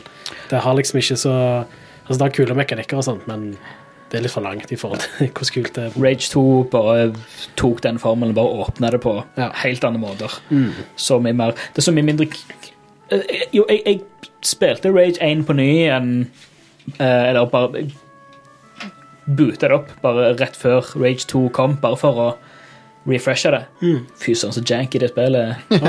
ikke, ikke gameplay i seg sjøl, men hele UI-en. Ja, ja. Og alt er helt forferdelig. Alt er superknotete. Men uh, Rage 2 er Nei, det, det er helt amazing. Det eh, Jo, nå, nå ser jeg på screenshots igjen at ja, det er jo Det er jo Mad Max. Ja. Mm. Ne Neon Mad Max. Yep. Og alle, alle kjøretøyer og sånt er skamkult. Ja, de har eh, Ja, når du bruker rakettboosteren på kjøretøyen, så er det sånn der eh, lilla flamme som Ja! kommer ut. Det, det, det ser så nice ut. Det er så kult. Konge. Jeg lurer på om eh, nå, nå er jo spill så fargerike som de har vært ever, omtrent. Mm. Vi er helt tilbake i sånn 16-bit-æraen med sånn knallfarger og sånn. Og mer enn det, til og med. Men det, det tenkte, jeg satt, så satt jeg og tenkte på her om dagen om, Jeg lurer på om det kommer en sånn motreaksjon til det. At nå skal det være så brunt overhodet mulig. at, at vi kommer til at, Ja, for, men jeg føler det, det kommer kanskje til å svinge tilbake igjen. Får ikke håpe det. Ja. Um, Det var jo en periode hvor alt var veldig grått og Nesten- brunt. Det er liksom de to fargene du hadde. I så fall at det blir mer stilistisk. Litt sånn som Inside og Limbo og sånt. Ja. Men jeg har ikke lyst på Gears of War-brune spill igjen, liksom. nei, til og med Gears of War nå er jo superfargerikt. Ja. Ja. Femmeren og sånn. Men, men jeg tror he med hele den um, det, det med at HDR har blitt en ting nå. Ja, det er sant. Det gjør at altså, Både HDR og RTX har blitt en ting nå, og at det blir For hvert år som går, så blir det mer og mer Altså, flere og flere folk får tak Eller får det utstyret i, i sine hjem. Det blir mer og mer allemannseie. At RTX-kort blir billigere, og nye TV-er har, har HDR, liksom. Ja. Og det er så, så snart den syklusen har gått gjennom at det, det blir vanlig at folk har det, og sånn som det, da tror jeg det kommer til å Jeg tror nesten det kommer til å eksplodere enda mer med fargerikt spill, for det ser så sykt mye bedre ut i, i HDR og med raytracing og Ja. sånt. Og Ja. få farga lys og få alt det der uh, til bare sprenge ut. Og det er jo litt sånn, Hvis du har kjøpt en TV de siste fem årene, så har han sannsynligvis HDR. liksom. Ja. Så, Men, eh, men jeg liker Rage 2. Jeg skal definitivt fortsette å spille det. Hell yeah. Um, det er jo på GamePass både på PC og konsoll nå, så det er jo bare å hoppe i gang med det. Eh, har du spilt noe, Are? jeg spilte litt mer Apex bare med Jack. Jeg så dere var på Discord. Ja, Jeg så dere var i den kanalen der. Det er ganske kjekt. Jeg vurderte å hoppe inn der og så rope. Ja, du må bare bli med. Ja, men jeg satt og spilte Oblivion. Skal jeg spille Rage 2 istedenfor Skyrim, kanskje? Det kan du. Kan du. Kanskje det. Um, det, kjører, det kjører jo supersmooth på Series X, det er Rage 2, da, men det, men det er jo ikke optimalisert, tror jeg. Men det er bare brute forcer. Sånn, Ok. Så det hakker ikke i det hele tatt. Mm. Um, så det er vel basically Xbox One X-utgaven du spiller. Ja, og da får du jo sikkert locked 60 FPS. Ja, det ser, ser nice ut.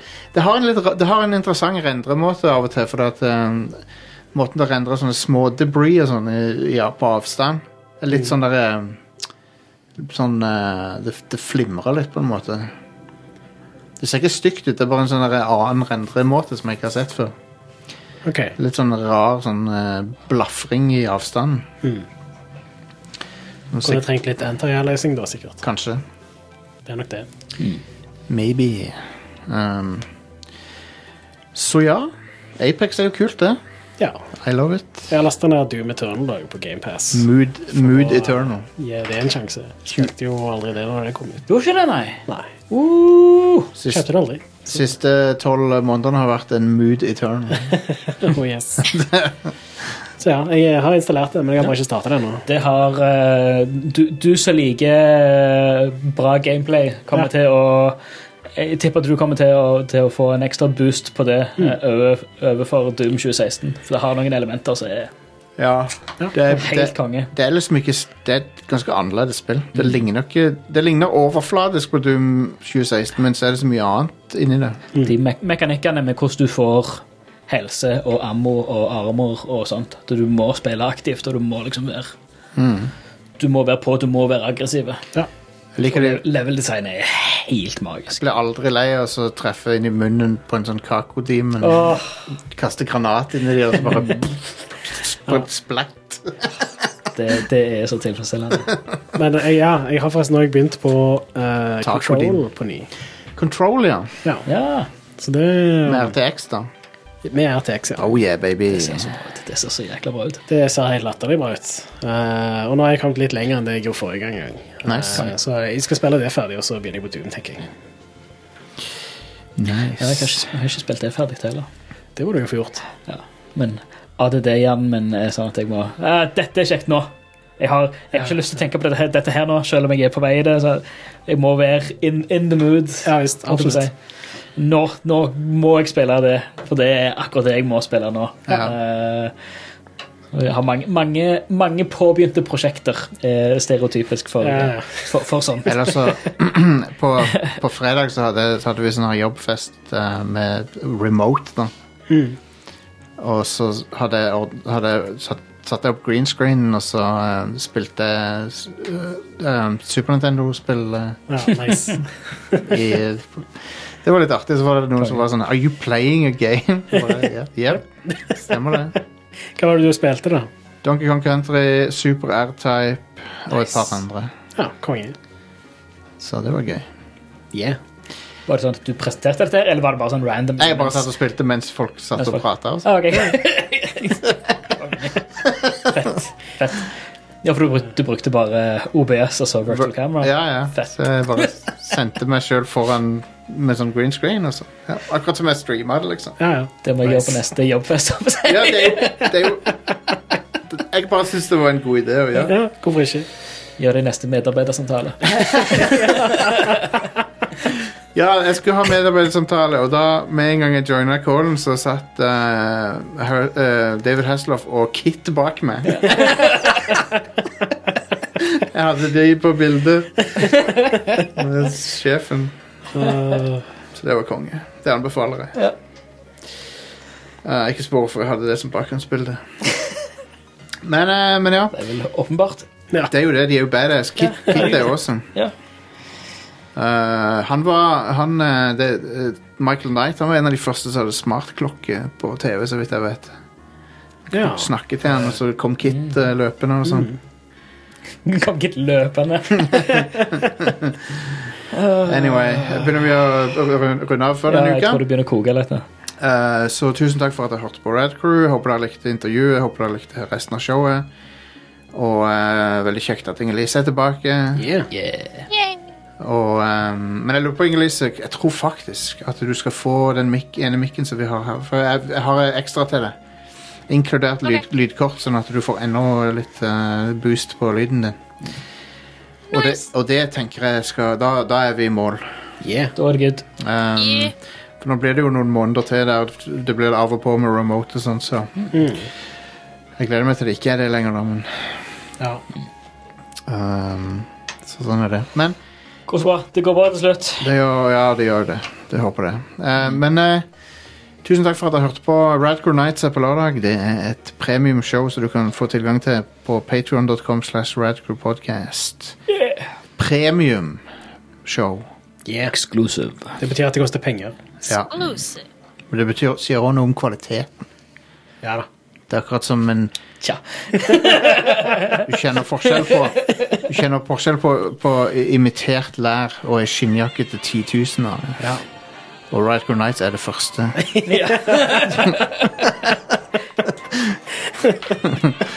All right. Vi, eh, vi, vi snakkes. Det gjør vi. Hei da. Ha det. Ha det godt.